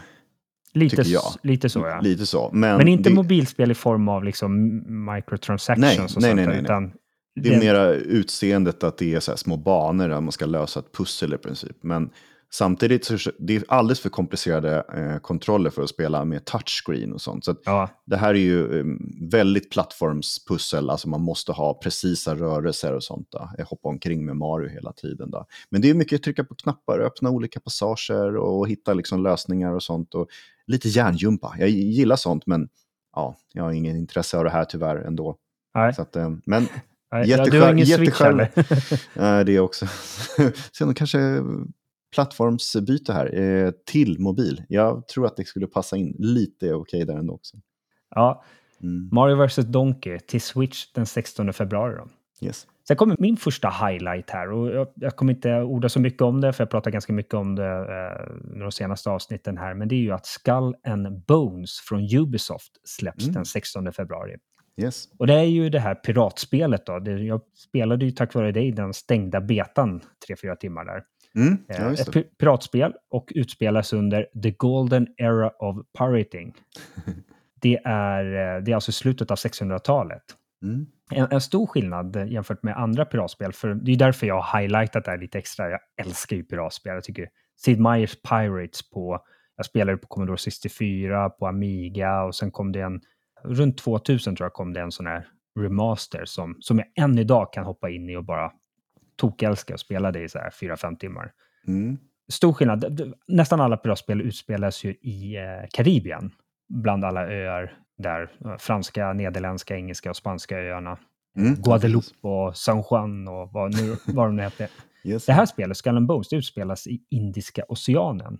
Mm. Och jag tror att de har hoppat lite. Jag läste lite, eh, lite, lite bakgrundsfakta kring det. De skulle, först skulle de vara i Karibien. Sen byggde de en, en, eh, en fiktiv spelvärld också. Jag kommer inte ihåg vad de kallade den. Innan de till slut bara, ah, men vi, okej, okay, det ska utspelas i Indiska oceanen istället. Mm. Eh, du har ett kampanjläge där, en väldigt, det ska vara en ganska lång story då. Och jag spelade ju de allra första uppdragen där i, i den stängda betan då. Mm. Men sen är det också ett multiplayer-spel. Det, är ju, det kommer ju vara ett live-service-spel. Tanken är mm. att du mm. ska köra kampanjen och sen ska du bara liksom kunna cruisa runt med ditt skepp och lösa lite olika uppdrag eller ta elitebossar och, eller åka och köpa billiga resurser på ett ställe och sälja dem dyrare i en annan stad. Mm. Sen går ju väldigt mycket ut på, i och med att det är ett, eh, kommer vara ett liveservice-spel, går ju väldigt mycket ut på att uppgradera ditt skepp. Och jag vet inte om, det är, om du har ett eller kan ha en, en flotta med skepp faktiskt. Men ja, jag som provade den stängda betan, det gick ju liksom att uppgradera kanoner. Det gick att sätta olika kanoner liksom på, på vardera sida av skeppet och kan även placera lite kanoner längst fram också. Mm. Så beroende på vilken typ av fiende eller om du ska försöka inta en stad, ja då kanske du vill ha en, en annan sorts kanoner. Så allt det här kommer du kunna uppgradera då, när, ja. när du progressar i spelet. lite konstigt, jag nämnde det när jag pratade om den stängda betan. Eh, man kan ju samla resurser. Du behöver ju liksom sten, träd, blommor höll jag på att säga, men olika växter av det slag. Men då åker du liksom fram till kanten på, på ön då, där, ja, där det finns palmträd som du kanske ska hugga ner och så får du lite så här quick time eh, minispel. Och det är så du samlar, samlar resurser, så att, ja, lite märkligt wow. kanske. Anti-innovativt på något sätt. ja, exakt. Mm. Men eh, just det här med att du ska uppgradera skeppet och egentligen ska du ju förbereda dig liksom för, för olika strider. Eh, så att eh, en viktig aspekt är till exempel är att du, du ser till att du ligger rätt i vinden då. Så att du mm. får en gynnsam vind för striden. Jag vet inte om det är att du bör, ja, det är bättre att ligga än om du har medvind. Men, men det ska tydligen vara ett väldigt djupt system som inte jag testade speciellt mycket. Okay. Men sen kan det också vara, jag såg det i den stängda betan, att, eh, eller testade det, att eh, ibland möter du ett skepp, ibland möter du fyra. Så du, du måste vara väldigt taktisk trots att det är ja, realtid. Då. Du ser mm. ditt skepp bakifrån. Eh, så att du, ja, väldigt taktisk med. Men fan, jag, jag, fick väldigt positiva vibbar av, av betan där som jag mm. testade. Så att den 16 februari, och det är ju ett av tre spel som jag just nu har förbokat. Då. Oj, ja. Det säger ju ganska mycket då. Hoppas det blir bra. Ja, kommer till Playstation 5, Sirius S och X på Xbox och till PC då. Mm. Skull and Bones den 16 februari. Har du märkt mm. det? Jag försöker, eh, vi har fått lite feedback där på att vi, eh, vi ska nämna spelen, inte bara en gång i början när vi... För att jag känner igen den här kritiken själv när jag, från när jag lyssnar på podcast. Att ja, men de kanske pratar så här 12 minuter om ett spel och så har ja. de sagt det en gång i början. Och så ja. efter sju minuter, jag bara, vad hette det här spelet? Och så säger de det aldrig igen. Ja. Så jag försöker bli bättre på att återupprepa. Vi, vi får hjälpa varandra. Det är alltid en, en svår grej att komma ihåg. Exakt. Den 22 februari, mm. Sons of Forest lämnar Early Access där. Då kommer version 1.0. Mm. Eh, det här utvecklas av New Night. Jag kan inte säga ett annat spel de har gjort, ja, förutom The Forest då kanske, som är föregångaren. Då. Mm. Sons of Forest, väldigt, väldigt populärt. Du som hänger på Twitch, det måste ju streamas av väldigt många spelare. Ja, alltså sådana här spel, survival-spel, är ju väldigt... Eh, de är populära. Alltså det är många som gillar att bygga baser och, och gillar att hugga ved och hugga liksom ner allting och, och ja, uppgradera sig och sin karaktär och sånt där. Ja. Och det är väldigt utmanande för många. Eh, de brukar ju köra mycket solo play också, men det här finns ju i, i multiplayer så det är lite... Eh, lite roligare kanske på det sättet att det här spelet är ju eh, ett, för mig är det horrorspel. Alltså, ja. Det är så mycket läskighet i det här spelet. Förutom att man i en jättefin öppen värld så, så är det ju inte liksom fredligt. Det är ju kannibaler som lever på den här ön. Ja, exakt. Eh, så att, ja, jag, jag ser ju liksom att jag kommer inte våga spela det. Jag har tittat rätt mycket på det och sådär. Och, och, det man har sett i de här uh, previews och sånt där och tidigare under early access, det är att de har implanterat de här, um, du har som en NPC i ditt eget lilla, uh, vad ska man säga, uh, ditt camp. Ja. Och han hjälper dig att liksom samla resurser och bygga saker genom att du berättar. Han är som en ska man säga, en, en android eller en, ja, en, en, robot nästan som, som gör saker som du säger åt honom att göra. Alltså, ja, du kan bygga vapen och tillbehör och byggnader och sånt för att överleva. Och det, det är det spelet går ut på. Du ska bygga upp din bas i princip och ha som en, eh, en main camp. Och sen ska du ut och, och härja och hitta, hitta den här storyn då som har växt till. Då. Eh, så vi får se. Jag jag, jag, kanske inte vågar spela. Jag tycker om att titta på sådana här spel när andra spelar. För de lägger ner så otroligt mycket timmar på det. Så det är kul att komma in när folk har spenderat hundra timmar och så bara får man se frukten av allting. Liksom. Ja, exakt. Eh, men eh, inte mitt sorts spel. Men det ser väldigt eh, det ser nice ut. Alltså. Mycket features som de har lagt till i det här spelet också. Ja, verkligen. Eh, och den här spelvärlden då, den ska vara typ fyra gånger större än, än vad den var i The Forest då, som kom mm. 2014. Så ja, spännande. Men. Sons of Forest den 22 februari och kommer bara till PC faktiskt. Mm. Sen får vi se, det är ett typiskt sånt här spel som säkert kommer komma på Playstation och Xbox framöver, men nu till en början till PC då. Yes. Den 28 februari då kommer Brothers A Tale of Two Sons eh, mm. Remake. Och det här är ju en remake på Josef Fares eh, hyllade debutspel. Mm. Eh, man, eh, man ska vägleda två bröder, liksom. deras pappa har blivit sjuk, så du ska ja, styra de här två bröderna. Och det som är lite speciellt då, det är att du, eh, du är en ensam spelare, men du styr båda de här bröderna. Eh, mm. Så, och det gör du med vardera eh, analoga spak på, på din handkontroll. Mm. Så ja, det blir ju väldigt... Jag, jag provat, jag har ju velat spela klart det här så länge. Eh, det, är egentligen, det borde egentligen varit mitt nyårslöfte kanske, men jag kanske får anledning att vänta nu då till, till remaken kommer. Mm. Eh, den är nämligen gjord, eh, gjord med Unreal Engine 5. Så ja, det borde ju vara väldigt, väldigt snyggt. Jag har för mig att det var ganska stämningsfullt i förra spelet också. Eller förra versionen då, första. De är väl mute, alltså de pratar så här. Ja, jo precis, exakt. Det är inga ord, utan det är bara så uttryck och mjam, mjam, mjam, Ja, låtsasord ja. Mm -hmm. Det jag, det jag älskar med det här spelet, eh, och det, var, det har ju blivit jättehyllat som sagt. Jag kommer ihåg, vad hette han, den här britten som tyvärr dog? Total Biscuit. Det var ju hans Game of the Year det här året när, när det släpptes. Ah. Och eh, det är ju det är väldigt så innovativa pusselmoment. Och just det, mm. det är ju väldigt speciellt att du ska styra, styra två karaktärer med en och samma handkontroll samtidigt. Mm. Men det Josef Fares verkligen tryckt på med med det här spelet och alla sina spel egentligen, det är vi ska inte återupprepa moment. Det ska hela tiden, när du kommer fram till någon ny utmaning eller liknande, då ska det vara ett nytt slags pussel. Du ska lösa på ett annat sätt så att du inte sitter och mjölkar. Liksom. Det, är, det är ingen grind för att lösa de här eh, pusselmomenten. Då. Nej. Har du, har du lagt märke till att de eh, sa en liten eh, parentes här? I den här remaken så kan man spela local co-op. Oj, så nej, att man kan koppla in en eh, andra handkontroll. Ah. Men du kan också välja att spela som, som originalet. Då. Eh, men du kan också spela local co-op. Så du kan spela med din son, eller om man säger så. Okay, eh, ja. Så ni kan styra varsin gubbe då, med varsin handkontroll. Det låter som en jättebra feature, men samtidigt, om du vill spela det gamla så kan du göra det. Alltså ah, med okay. En kontroll bara. För jag tänker att själva, själva USPen där är just att du styr båda och sen, sen har jag faktiskt eh, blivit spoilad på, på ett sätt, på, eller på något sätt. Jag kommer inte ihåg, jag såg någon video på det och då berättar de lite grann vad som händer och eh, Jaha, det blir ju lite speciellt med handkontrollerna eh, ju längre spelet går och då undrar jag hur man kommer kunna implementera det om man är två spelare. Men mm. ja, vi får se. Det släpps till PC, Xbox Series S och X och till Playstation 5 då och yes. Eh, kommer den 28 februari.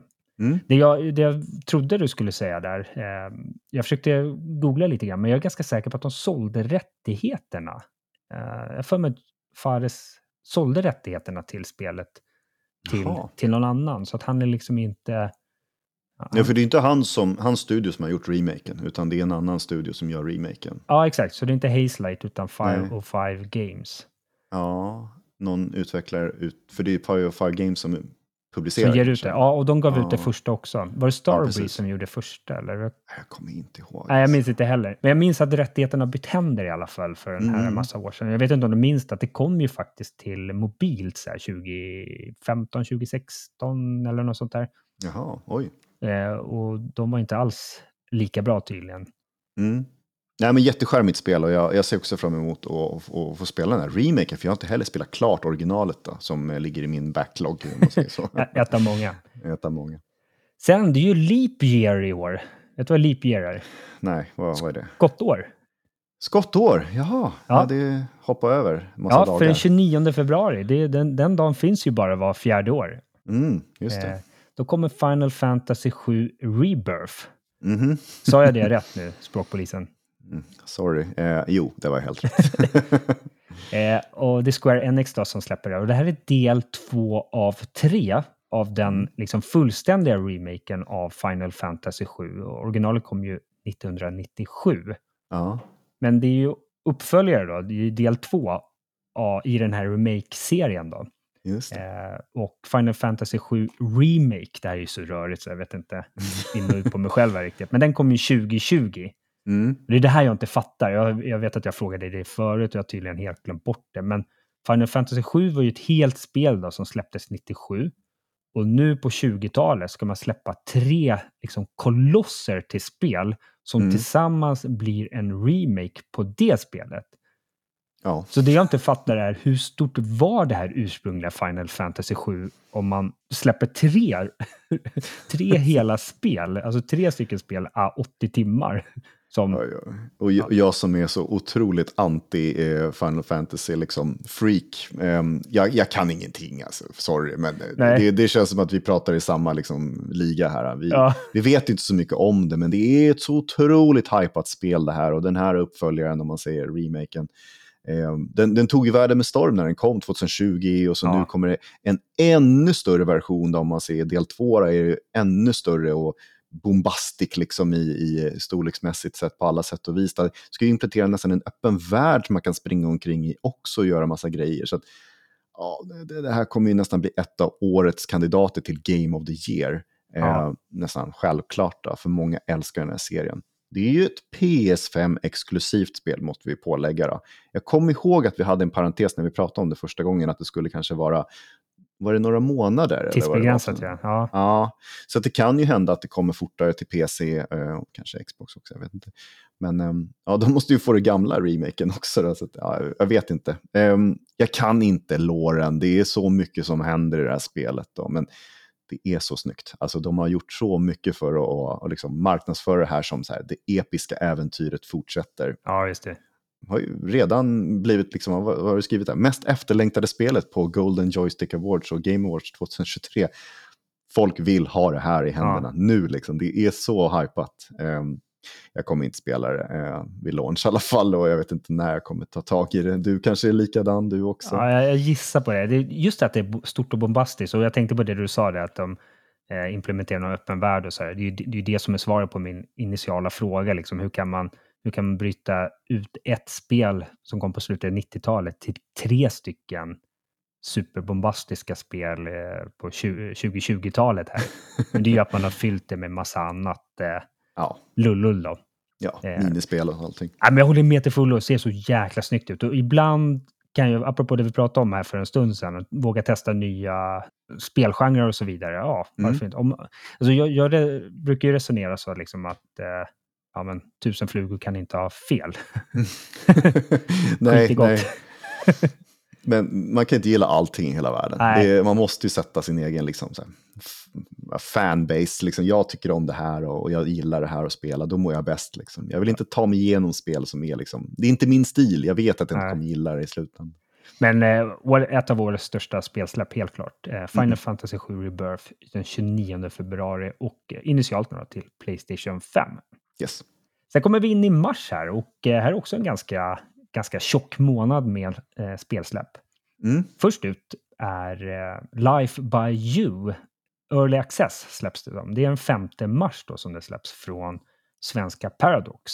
Mm. Eh, och Life by You, jag har faktiskt sett en hel del gameplay på det, eller när, när utvecklarna har suttit och, och pratat om det och så. Mm. Eh, för det är lite fascinerande just att de tar upp kampen med The Sims.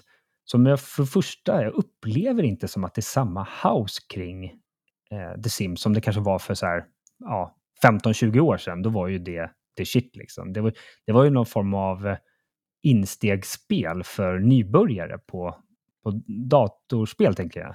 Ja, många som kanske inte tycker om att spela liksom actionspel och sånt där. Så det, ja, det har ju varit ett vad ska man säga, eh, livssimulator liksom, där du kan styra och, och, romantisera vem som helst om du sköter dina kort rätt och sånt där. Och, och som vi gjorde, vi stängde in folk i simbassänger och tog bort stegar och terroriserade folk istället. Ja. Um, jag har aldrig haft intresse egentligen för simspelen utöver att jag har testat det och så, men det känns ju som att det finns nog en marknad, men jag vet inte om den är så het för just Sims-spel längre. Nej, det är det jag tänker på också. Liksom. Det är väldigt så här, ja, tåget har gått där känns det lite grann som. Ja, Men de som gör spelet, det är ju eh, det är team, den leds av Rod Humble. Mm. Och han var liksom Head of Sims på just eh, Electronic Arts. Så att mm. han om någon borde ju kunna, kunna det hemliga receptet bakom The Sims framgångar. Då. Mm. Så det blir ja, lite intressant. En Paradox har ju lite den här auran nu tycker jag om att eh lite det Embracer gör också, och inte minst typ Ubisoft, ja, egentligen de flesta då, men, men just släpp ett basspel, för det är det jag gissar på. Man vill att Life by You ska bli någon form av plattform och sen ska man, precis som The Sims gjorde, bara släppa massa expansionspaket och DLCs då liksom.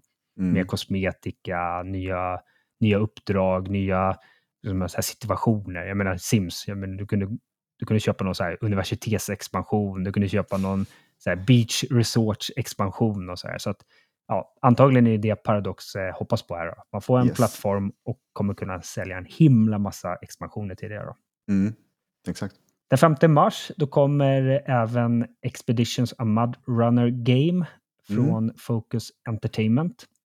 Ja, vi, vi pratade om det i förra avsnittet ganska, ganska ingående, så jag vet inte om man kanske bara får backa till det avsnittet om man är extra nyfiken på det. Men ja, hisspitchen för det här spelet, Henrik, vad är det?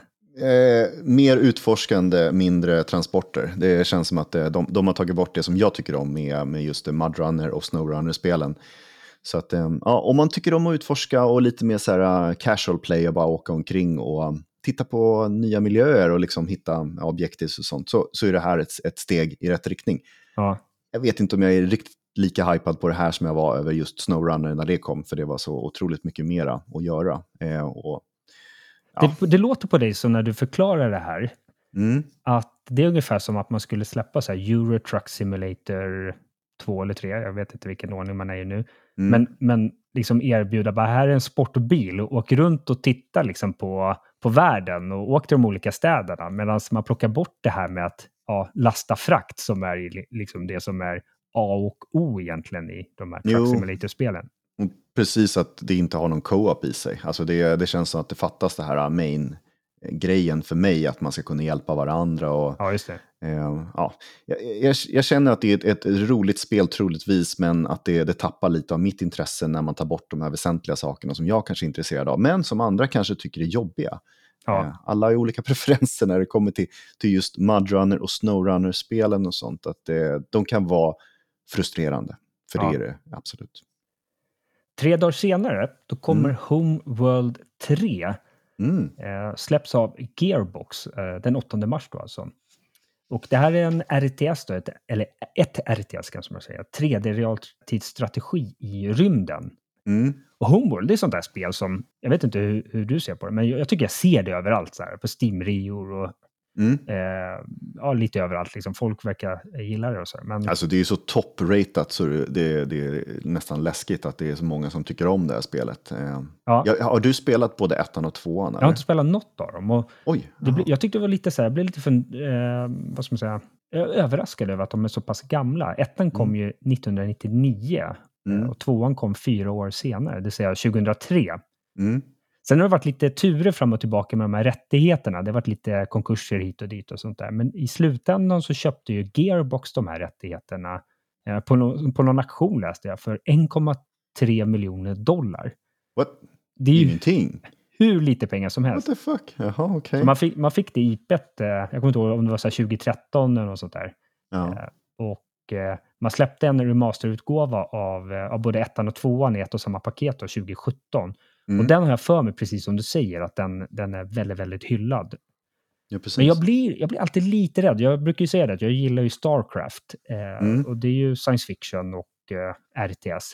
Men när saker och ting blir lite för avancerat, då blir mm. jag, jag blir lite på defensiven. Och det är så jag upplevt med Homeworld, att ja, men Starcraft är ju väldigt eh, det är ju väldigt simpelt, även om det är väldigt djupt eh, taktiskt och strategiskt. Liksom, enhet A är bra mot enhet B, men inte mot enhet C. Så mm. du måste alltid ha en så balanserad eh, armé, men det är väldigt mycket slit och släng med dina eh, gubbar. De, mm. Du mm. attackerar, eh, tre fjärdedelar dör, du går tillbaka, bygger upp en ny armé och så här. Medan Homeworld, jag har alltid haft så känslan av att det här är väldigt avancerat. Det är väldigt mycket att sätta sig in i. Alltså på ett sätt och vis, ja. Alltså det som jag tycker är svårast att komma in i i det här spelet, det är att det är så här. det är 360 graders liksom, stridsfält. Alltså, det ja. är ju, hela rymden, liksom, det är alla möjliga vinklar. Det är inte så upp och ner och vänster och höger, utan det är liksom som en sfär, en jättestor värld. Ja. Och de, fienden kan komma från vilket håll som helst, känns det som. Eller att man, man kan bli attackerad, man måste ha koll på vinklar och sånt. Du har ju ganska stor överblick över allting. Då. Men i, i, princip så vill ju folk bara ha mer av det gamla. De vill bara ha en en, en upphottad version med mera funktioner och mera liksom av det bästa som finns redan. Um, och jag tittade lite på vad som kommer och sådär. De har lagt till ett nytt mode i det här som heter War Games, vilket är typ som co-op mode, eh, men också ett roguelite. Så i princip så är det ju ja, det populära begreppet roadlight. Det ska, ja. det ska finnas i alla spel. eh, så, så där kan man gå in med sina kompisar och mot, spela mot AI. Då och så komma så långt som möjligt och skaffa sig resurser och kunna uppgradera sig och komma in och komma vidare och vidare och vidare så, så långt man kan tills vidare. Eh, ja. Så att, det är ett nytt, en, en, ny spelsekvens i det här spelet, för det är ju main storyn som har lockat många. Jag vet inte riktigt om det finns så mycket PVP i den här uh, Homeworld-serien. Eh, men i alla fall, main storyn har ju varit väldigt cool eh, tidigare och det är den som har liksom greppat folk. Men nu kommer det här, om man säger, War Games istället då, och um, bygger vidare på, på spelet. Alltså det blir lite mer som ett endgame eller vidare koncept att du ska kunna spela vidare när du är klar med main story och sånt. Jag har missat att skriva vilken plattform det kommer till. Att, att den kommer till dator är ju helt, eh, är helt övertygad om. Men jag är lite osäker på om den kommer till konsol överhuvudtaget faktiskt. Vi får lämna det öppet kanske. Vi får återkomma senare i mars då, eh, mm. eller vårt sista avsnitt i februari kanske. För det kommer ju den 8 mars, Homeboard Ja, precis. Yes. Den 15 mars, då kommer min andra highlight. Eh, mm. Det är Outcast, A New Beginning. Och det här skulle egentligen heta Outcast 2, A New Beginning. Men av någon anledning så strök man siffran 2 där och den heter bara A New Beginning. Okay. Mm. Eh, släpps av THQ Nordic.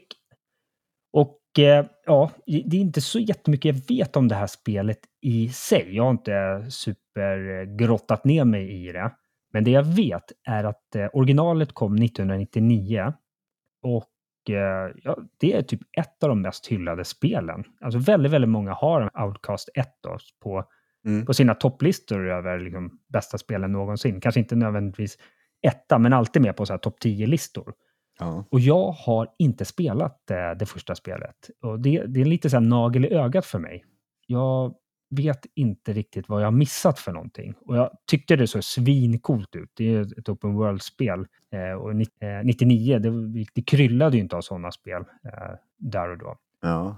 Men ett open world eh, science fiction-spel då. Och väldigt många som är med och gjort det första spelet är med och, och gör det här också. Så man behåller någon form av magi då, kring det då kanske. Oj, oj. Ja, det, de har åldrats med värdighet hoppas jag. Ja, jag hoppas det. Det ser ju väldigt snyggt ut. Jag tycker att jag ser likheter med Avatar, Frontiers of Pandora.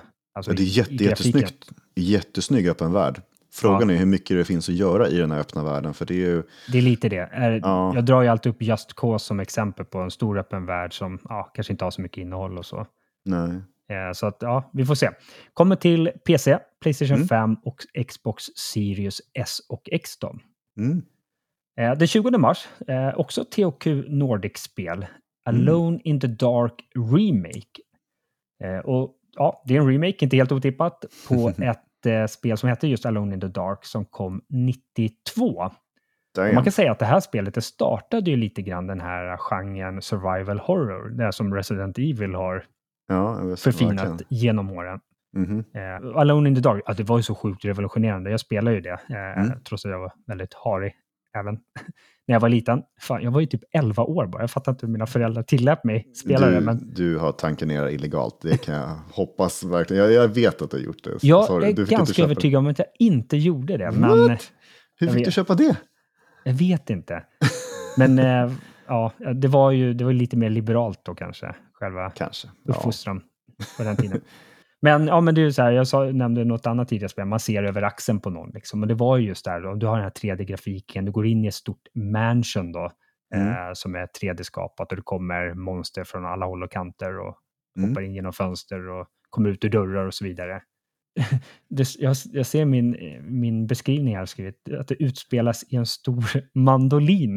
What? Det gör det inte. Det, utspel, det är någon autokorrekt där. Det utspelas i en stor mansion. Mansion? Oh, mandolin? Ja, det hade varit lite coolt. Ja, och i det här mansionet så har Jeremy Hartwood, han har han har dött eh, och det som först ser ut att vara ett eh, självmord eh, visar sig vara...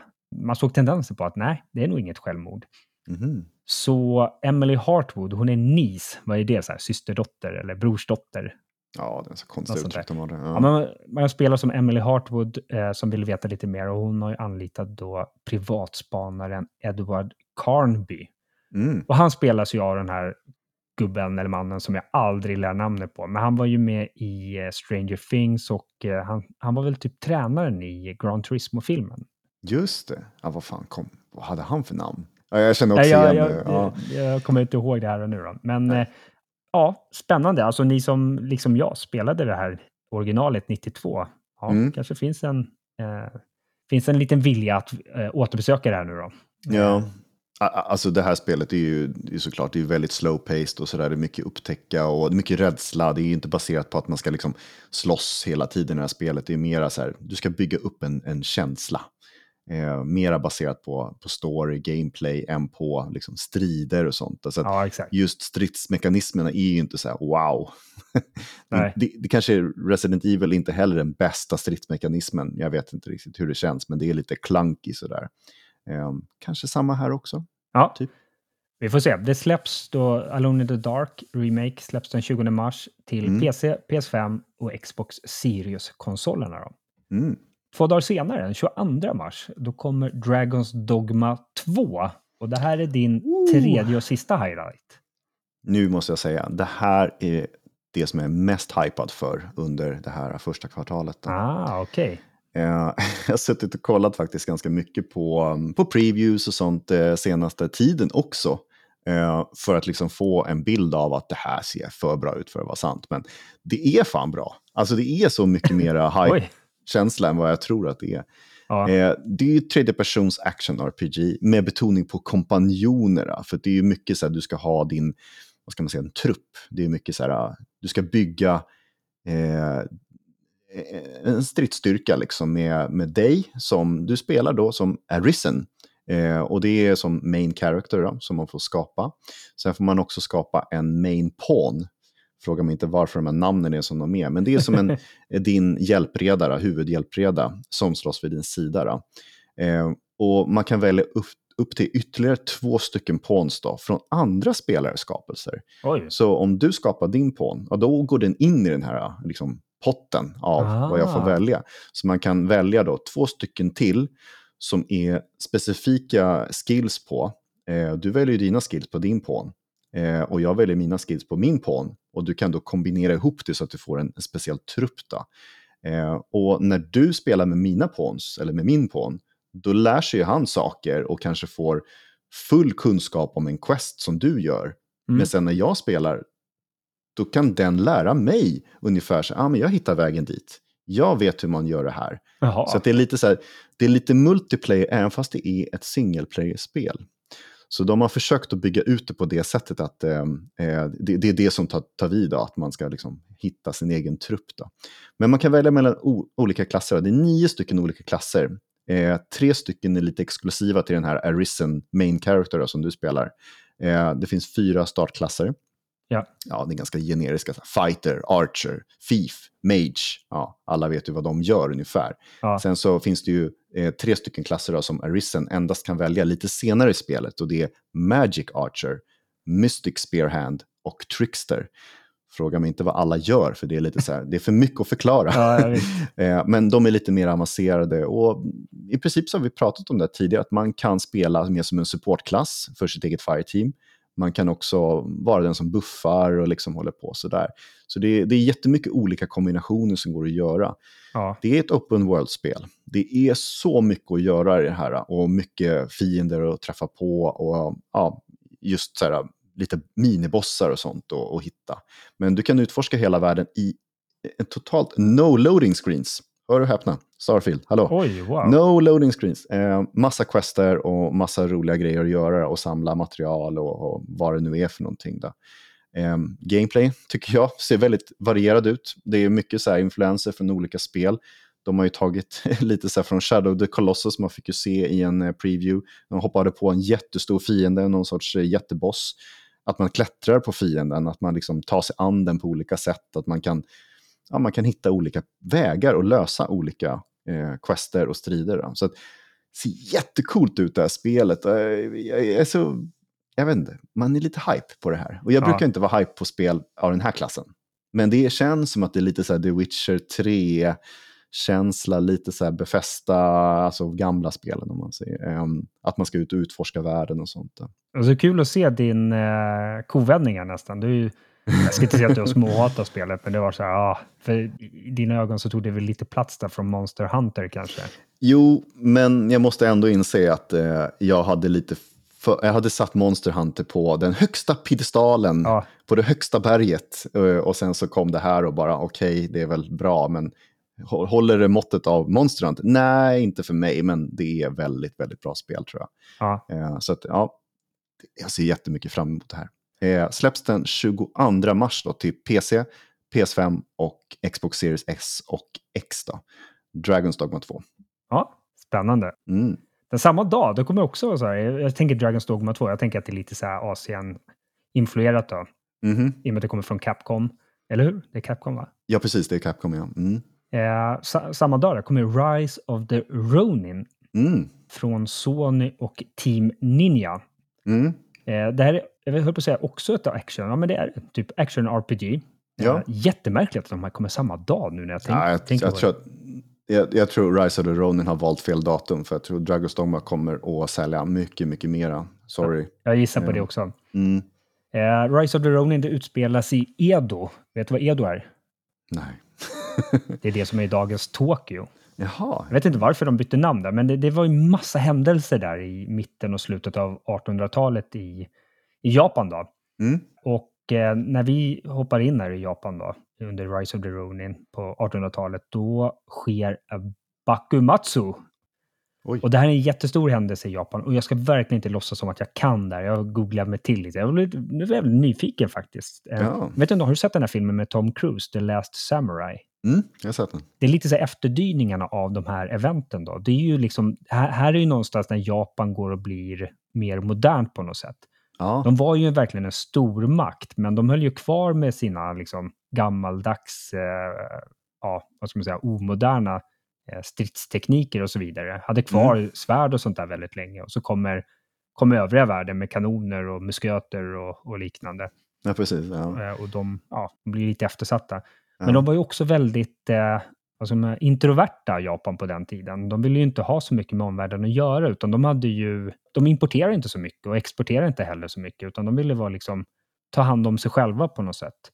Mm. Eh, och det här eh, Bakumatsu, det är när shogunatet upphör i Japan. Och det, det är just här liksom att eh, eh Japan öppnar upp sig och det är framförallt på grund av påtryckningar från, från stormakterna, typ så USA, Ryssland, Kina och så vidare.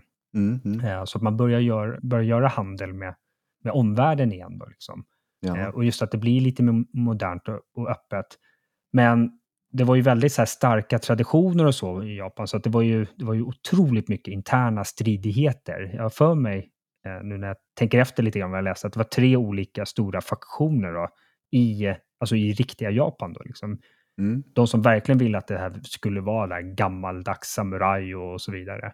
Sen de som var lite mer så här, ja men kan man inte göra en blandning? Och sen de tredje som verkligen var så här, nej, vi måste bli moderna, annars kommer vi gå under som nation. Då. Ja.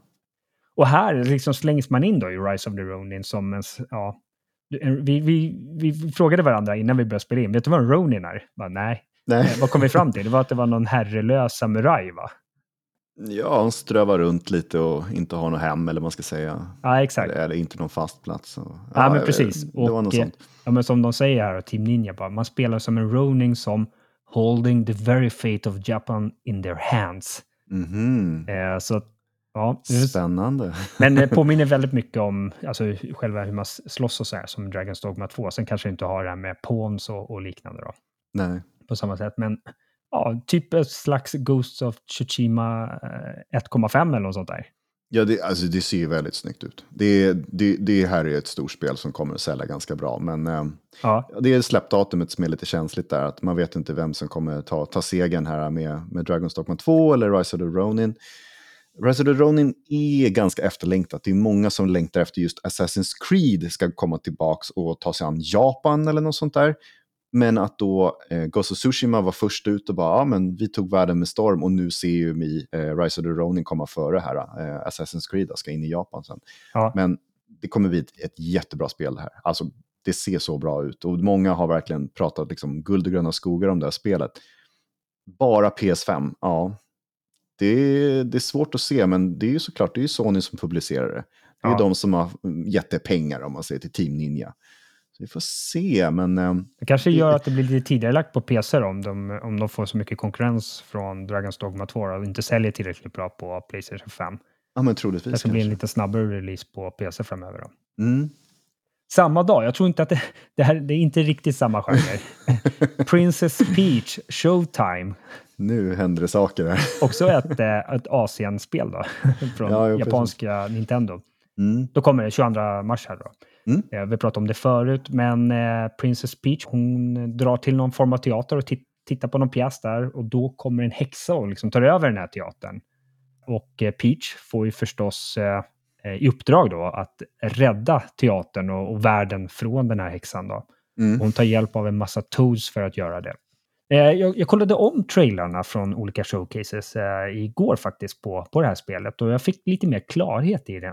För det Peach kan göra här är att hon kan byta roll. Hon tar på sig olika kostymer och så får hon lite andra eh, egenskaper och färdigheter. Då. Så hon kan till mm. exempel eh, ta på sig någon form av så här, de, du så här, de tre musketörerna, en, en sån direkt på sig. Ja, men då blir hon världens eh, fetaste svärdsfäktare liksom och bara ninjar ihjäl allt och alla. eh, hon kan ta på sig någon Sherlock Holmes direkt och bli en detektiv. Och hon kan bli någon kung fu-mästare och ja, var någon bana hon var bagare på. Mm. Men det var det här jag inte riktigt fattade. Bara, men okej, okay, springer runt och tar power-ups då, som du gör i Super Mario. Så bara, nu är det bäven eller nu kan du skjuta eldklot och så vidare. Utan det jag fick uppfattningen om nu när jag kollade om det, det är att eh, det är olika pjäser på den här teatern. Aha, så de här levelsen är olika pjäser och då är det en bana som är detektivbanan, då är det en som är eh, kung fu-banan och så vidare. Mm. Men ja, väldigt tillrättalagt. Eh, Ja. Sött och gulligt som vi brukar säga. Yes. Så Princess Peach Showtime den 22 mars till Nintendo Switch. Mm. Ett spel som varken du eller jag i ärlighetens namn är speciellt insatta i, men eh, det finns en viss eh, bass kring det. Det är ju The Legend of Legacy HD. Mm. Eh, inte hört talas om. Jag nej, vet inte vad det är. kommer också samma dag, 22 nej, mars. Gud. Fan, vilken dag alltså. Oj, oj. Ja. Det utvecklas av Cattle Call och mm -hmm. är en HD-remaster på originalet som kom, ja, inte för allt för länge sedan, 2015. Ja. Eh, inte någon jättehit enligt recensionerna. Ligger på ungefär på 65 på Metacritic då, originalet som kom 2015. Ja. Vad är det då? Jo, men det är turordningsbaserat eh, JRPG, alltså japanskt rollspel. Eh, och eh, du utspelas på en ö som heter Avalon. Och där spelar du med sju olika karaktärer. Eh, och ja, som vanligt när det gäller de här japanska rollspelen, då är man på jakt efter något magiskt eller liknande. Och det gör man även här i The Legend of Legacy. Då jagar man efter The Star Graal, en legendarisk artefakt. Okej. Okay. Ja, jag, jag är inte så intresserad av det här faktiskt. Jag, jag har inte ens tittat på det. Jag vet inte varför. Jag har inte hört talas om det. Om det är så storslaget att de gör en remaster på Nej, hela... det är lite så jag tänkte också. Just det här med att det blir lite... Jag tänkte att det borde ju ligga på 80-90 på Metacritic, ja. men nej. Man, man förstår ju varför inte vi är insatta i JRPG-genren så mycket. Vi, vi, vi, vet inte ens vad det här är. Liksom. nej, det släpps till Switch, Playstation 4, Playstation 5 och PC. Då. The Legend mm. of Legacy. Mm. Sen det sista spelet eh, som vi kommer nämna, det är min tredje och sista highlight. Lite, lite udda kanske, men South Park Snow Day. Oj! Ja. Eh, det är Ubisoft som släpper det här och gör det den 26 mars. Mm.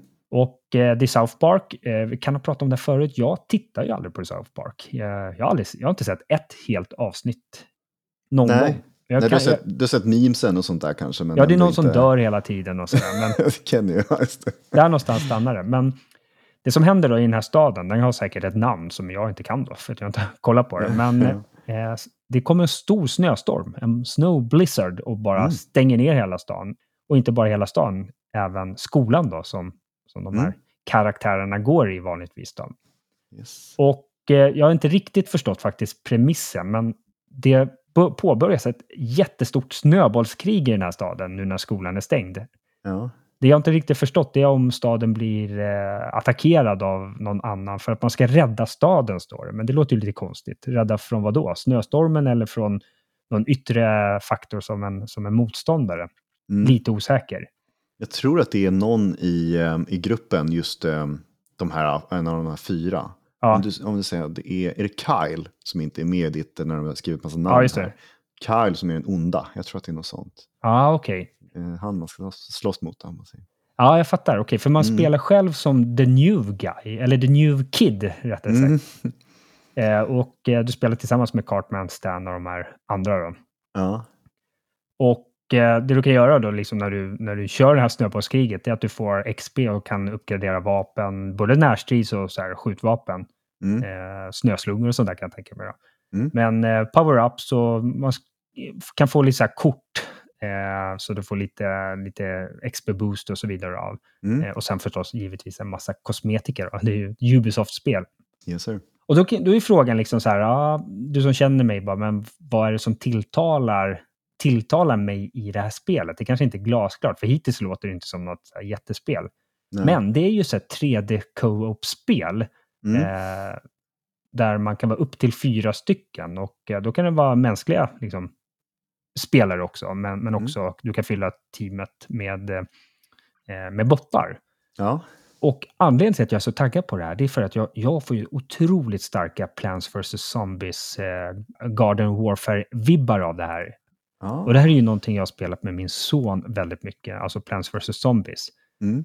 Och det här, det ser ut att vara en ren och skär kopia på det. Det ser verkligen exakt ut som Plants vs. Zombies, förutom att det är South Park och eh, ja, lite en annan setting då, helt enkelt. ja, precis. Ja. Mm. Men jag tycker det ser stört kul ut verkligen att köra co-op. Som sagt, det, är inte, det kommer inte, om det är en kampanj, jag är lite osäker på det, Mm. eh, så kommer det inte vara den mest tunga kampanjen att ta sig igenom och så, utan det är ju de här skirmish-matcherna där Mm. man tar sig an, ja, kanske mänskliga motståndare, men också bottar, jag och grabben då liksom. Ja. ja, men spännande. Det är konstigt att, du, att det tilltalar dig när du inte är så South Park-nörd. Nej, Eh, men just premissen av gameplay då eh, tilltalar dig mer. Då. ja exakt. Jag, Mm. jag, det, när det kommer till South Park, det jag inte riktigt kan med, det är det visuella. Ja, Det är ju väldigt, det är väldigt platt, eh, alltså i själva tv-serien, det är väldigt platt eh, grafiken man ska säga. jo. Och de är ju så här stora runda bollar typ. Och, sånt där. och så är det den här lite skrikiga ja. eh, jargongen i det. jo, precis. Men återigen, vad sa jag förut? Tusen flugor kan inte ha fel. Eh, alltså så många tycker om South Park, så att det är förmodligen jag som har missat någonting bara. Men det är ja, av någon anledning inte fastnat för det. Mm. Sa jag vilka plattformar det kommer till? Nej, missade. Mm. Playstation 5, Xbox Series S och X, PC och eh, Switch. Yes. Så jag tänkte vi avsluta här med att det kommer ju lite händelser under det här första kvartalet 2024 också spelmässigt. Mm. En grej som kommer som jag, jag är lite osäker på om du har hört talas om det, men att Knuckles, alltså Sonics polare, Ja. han ska få en tv-serie på Paramount Plus. Aldrig hört talas om. Men okej. Jaha. Ja, det var lite märkligt. Det finns en Wikipedia-artikel som nämner liksom Gaming in 2024. Så då gick jag in och Mm. kikade där liksom, och då stod det så här, ja men eh, Knuckles ska komma under kvartalet. Men det som är grejen är att det är otroligt lite information kring det. Du har inte fått se en enda liksom, frame från tv-serien. Och den skulle först komma 2023, flyttades till 2024, flyttades tillbaka till 2023 What? och har nu flyttats, eh, det senaste budet är kvartal 1 2024. Okej. Ja, så vi får se vad, vad, vad, vad det blir. Eh, vi får se om det kanske kommer 2026 då i slutändan. All right. Men ja. just nu är infon det. Knuckles tv-serie på Paramount Plus då kommer Mm. under kvartal 1 2024. Sen kommer ju den här jättestora mässan, vad står det för? CES? Eh, Consumer Electronic Show eller något, något, liknande. Ja, just det. Det är ju världens största hemelektronikmässa i alla fall. Den, den går ju av stapeln den 9 till 12 januari i Las Vegas. Mm. Och där hade du någon info va? Skulle Sony vara med eller? Eh, Sony har ju gått ut och sagt att de ska komma dit och de brukar ju vara där. Ja. Eh, de är inte bara, eh, alltså de informerar ju inte bara om sina liksom, nya tv-apparater och bla bla bla sådär, utan de brukar ju ha en liten Playstation-del i den här hela kakan. Och det kan vara ibland fem minuter bara att de står och snackar om så här, ah, nya VR-headsetet som kom, eller ja, någon gameplay från några nya spel som är VR-anpassat och sånt. Och de har haft lite kontrollen, den här eh, i, vad heter det, Access, accessibility-kontrollen och sånt. Så det kan ju komma något hårdvarurelaterat och jag är lite sugen på om de ska prata om PS5 Pro. Ja. Så kanske det här är bra att liksom nämna det där, men de behöver inte gå in på några detaljer. Det är bara så här, här är vårt koncept för PS5 Pro, det kommer vi att berätta mer om under senare delen av året. Eh, men det här är ett jättebra tillfälle att visa upp eh, för den stora publiken att, att eh, i år så gäller det. Och en sak jag tänkte på med PS5 Pro, jag har inte varit så taggad på de här ryktena, för de är alltid så här, rykten är ju rykten. Mm. De kan ju stämma och kan inte stämma, men tänkte jag på det, eller jag hörde någon säga det, det var inte jag som kom på det här själv, eh, att den läcka då som, som har pratat om Playstation 5 Pro mm. har haft rätt om eh, de här earbudsen, om eh, Portal, om eh, det var någon annan eh, Sony-produkt också. Mm. Och samma person eh, eh, säger detaljer kring Playstation 5 Pro. Eh, ganska bra track record. Så det mm. finns kanske anledning att eh, tro på en del av de här ryktena. Då. Ja, ja vi får se. Det är, det är spännande. Vi kommer ju prata om det sen när det har varit. Då. Eh, vi får se vad som avtäcktes. Om Exakt. det är någonting värdigt att prata om. Då. I Las Vegas en månad eh, efter, då, den 13 mm. till 15 februari, då är det DICE Summit eh, Ja, den heter så. DICE Summit, ja. Mm. Eh, och, och, är på hotellet Aria i Las Vegas. Och DICE, det är inte DICE som i eh, Digital Illusions, eller vad de nu heter, de som gör Battlefield. Utan mm. det är ju, vi har pratat om det, men de har ju den här DICE Awards också. Eh, det. det. är ju någon sån organisation då. Så de har en jättestor nätverksträff för branschen då i, i Las Vegas där i februari. Mm. Och DICE står för, jag var tvungen att kolla det, vad står det för i det här fallet? Design, Innovate, Communicate och Entertain. Just det. Jag, inte jag tror inte att vi kommer få se några nya spelsläpp och så vidare, men eh, ja, lite örat mot rälsen där kanske vad som kan hända framöver i branschen. Då. Ja, det brukar ju skapas ganska mycket rykten i samband med den här äh, nätverksträffen. För det är många liksom, inom branschen som pratar med varandra och liksom, ja, smygpratar lite grann och så läcker allt ut någonting. Liksom, så. så vi får se, det är ganska kul eh, tid att, att, att det händer saker liksom för bakom kulisserna, om man säger att de får beblanda sig med varandra också. Ja. Sen i mars, då är det ju den här mässan som jag är lite sugen på att åka på. Men jag, jag, tror att det är lite snävt i tiden. Då är det ju Pax East eh, som går av stapeln i Boston då, den 21 mm. till 24 mars. Och Pax, det är ju den här spelmässan där ja, framförallt lite mindre spelutvecklare ställer ut. Eh, och mm. man får gå och testa en massa indiespel och så vidare. Mm. Jättestort eh, fenomen verkligen.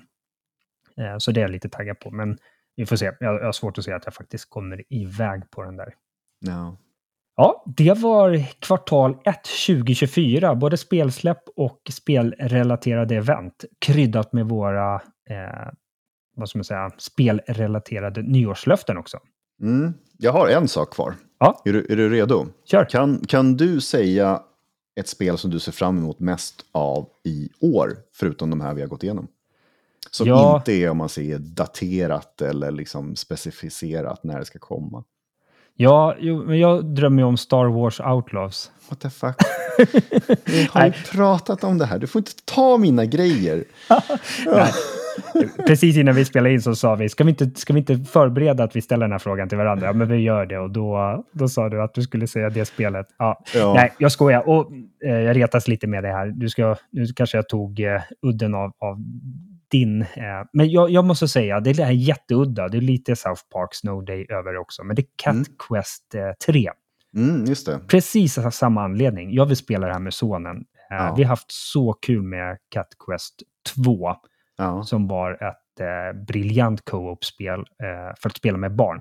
Ja. Ja, men det, alltså, det låter precis som handen i handsken för dig och, och din son. Liksom. Ja. Ja, men du spelar två så här uh, lurviga katter, jättefärgglad grafik verkligen. Ja, men verkligen. Mm. Och springer upp med alldeles för stora svärd och pilbågar och skjuter. Uh, jag tror att det är hundar, det borde ju rimligtvis vara det. katter, katter mot hundar, ja. ja. Ja det ser jättecharmigt ut. Och tar det runt lite på en färgglad eh, liten spelvärld och in i olika grottor och så här. Nej, Cat Quest 3, eh, jättekonstigt, men det, det, är också ett litet tecken på att det kanske är ett mellanår efter ett dunderår 2023. Mm. Rent eh, spel eh, då. Men du ja. då, vad, vad, kan ditt spel vara? Ja, vad var det nu? Ja. ja, det är ju självklart, vi har ju nämnt det, då, men Star Wars Outlaws. Och det är ju det är på något sätt, jag älskar ju Star Wars, men jag har inte riktigt hittat mitt perfekta spel som handlar om Star Wars. Nej. Eh, Outlaws är ju lite mera RPG, actionbaserat, liksom tredje person Star Shooter med en Star Wars-story. Och jag tycker att det ser så otroligt lockande ut för mig att hoppa in i jag vet inte riktigt vad som fångar mig, men det var den här uh, gameplay-trailern som vi såg för, för länge sedan nu. Då. Ja, att de, de kryper runt upp... ett garage där. Och... Ja, men precis. Och så har en liten companion, vad, vad det nu är för någon jävla mm, ja, konstig alien-baserad ja. liten furry eller vad det är för någonting som hon har med sig som hon kan dirigera. Då. Eh, så kompanjon och så massa Star Wars-lore och roliga pussel och allting. Jag tycker att det ser så episkt ut och det är lite så här, du ska ut i rymden och skjuta och du ska ha ditt eh, rymdskepp och så landar du på olika planeter liksom och, och ja, upptäcker en, en, ett universum eller en galax eh, i Star Wars-tema. Ja. Vi får se vad det blir. Alltså, det är jättespännande och vi vet inte så mycket mer än den här initiala trailern då, vad det är för sorts spel vi kommer få se framöver. Ja, spännande. Jag vet inte mm. om du sa det, men det utvecklas ju av svenska Massive. Ja, precis. Det är ju deras eh, andra släpp om man säger förutom eh, det här som släpptes nu, Avatar. Ja, just det. Eh, så att nu är de lediga efter det här släppet kommer till att utveckla mitt favoritspel sen Division 3. Exakt. Så du vill ha Star Wars Outlaws släppt så att de frigör resurser för Division 3? Ah. Okay. Ja, Jag ja. fattar. All right, All right. Det här blev ett massivt avsnitt. Jag ser att eh, klockan tickar på här. Eh, mm. vi har brutit vår eh, uppsatta tidsgräns här, men vad, vad gör man inte när det är så kul att sitta och snacka om kommande spel? Ja, absolut. Med en god vän som dig. Det, ja, men jag tror att det passar ganska lägligt här med att eh, runda av då. Mm. Och eh, i och med att Gamea släpps på måndagar så kommer nästa avsnitt den 8 januari. Och mm. vill du komma i kontakt med oss, joina gärna vårt community på Discord och länk till, till den servern finns i show notes. Då. Yes. Ha en jättefin spelvecka allihopa. Ja. Ha det bra. Ha det bra allihopa. Hej då.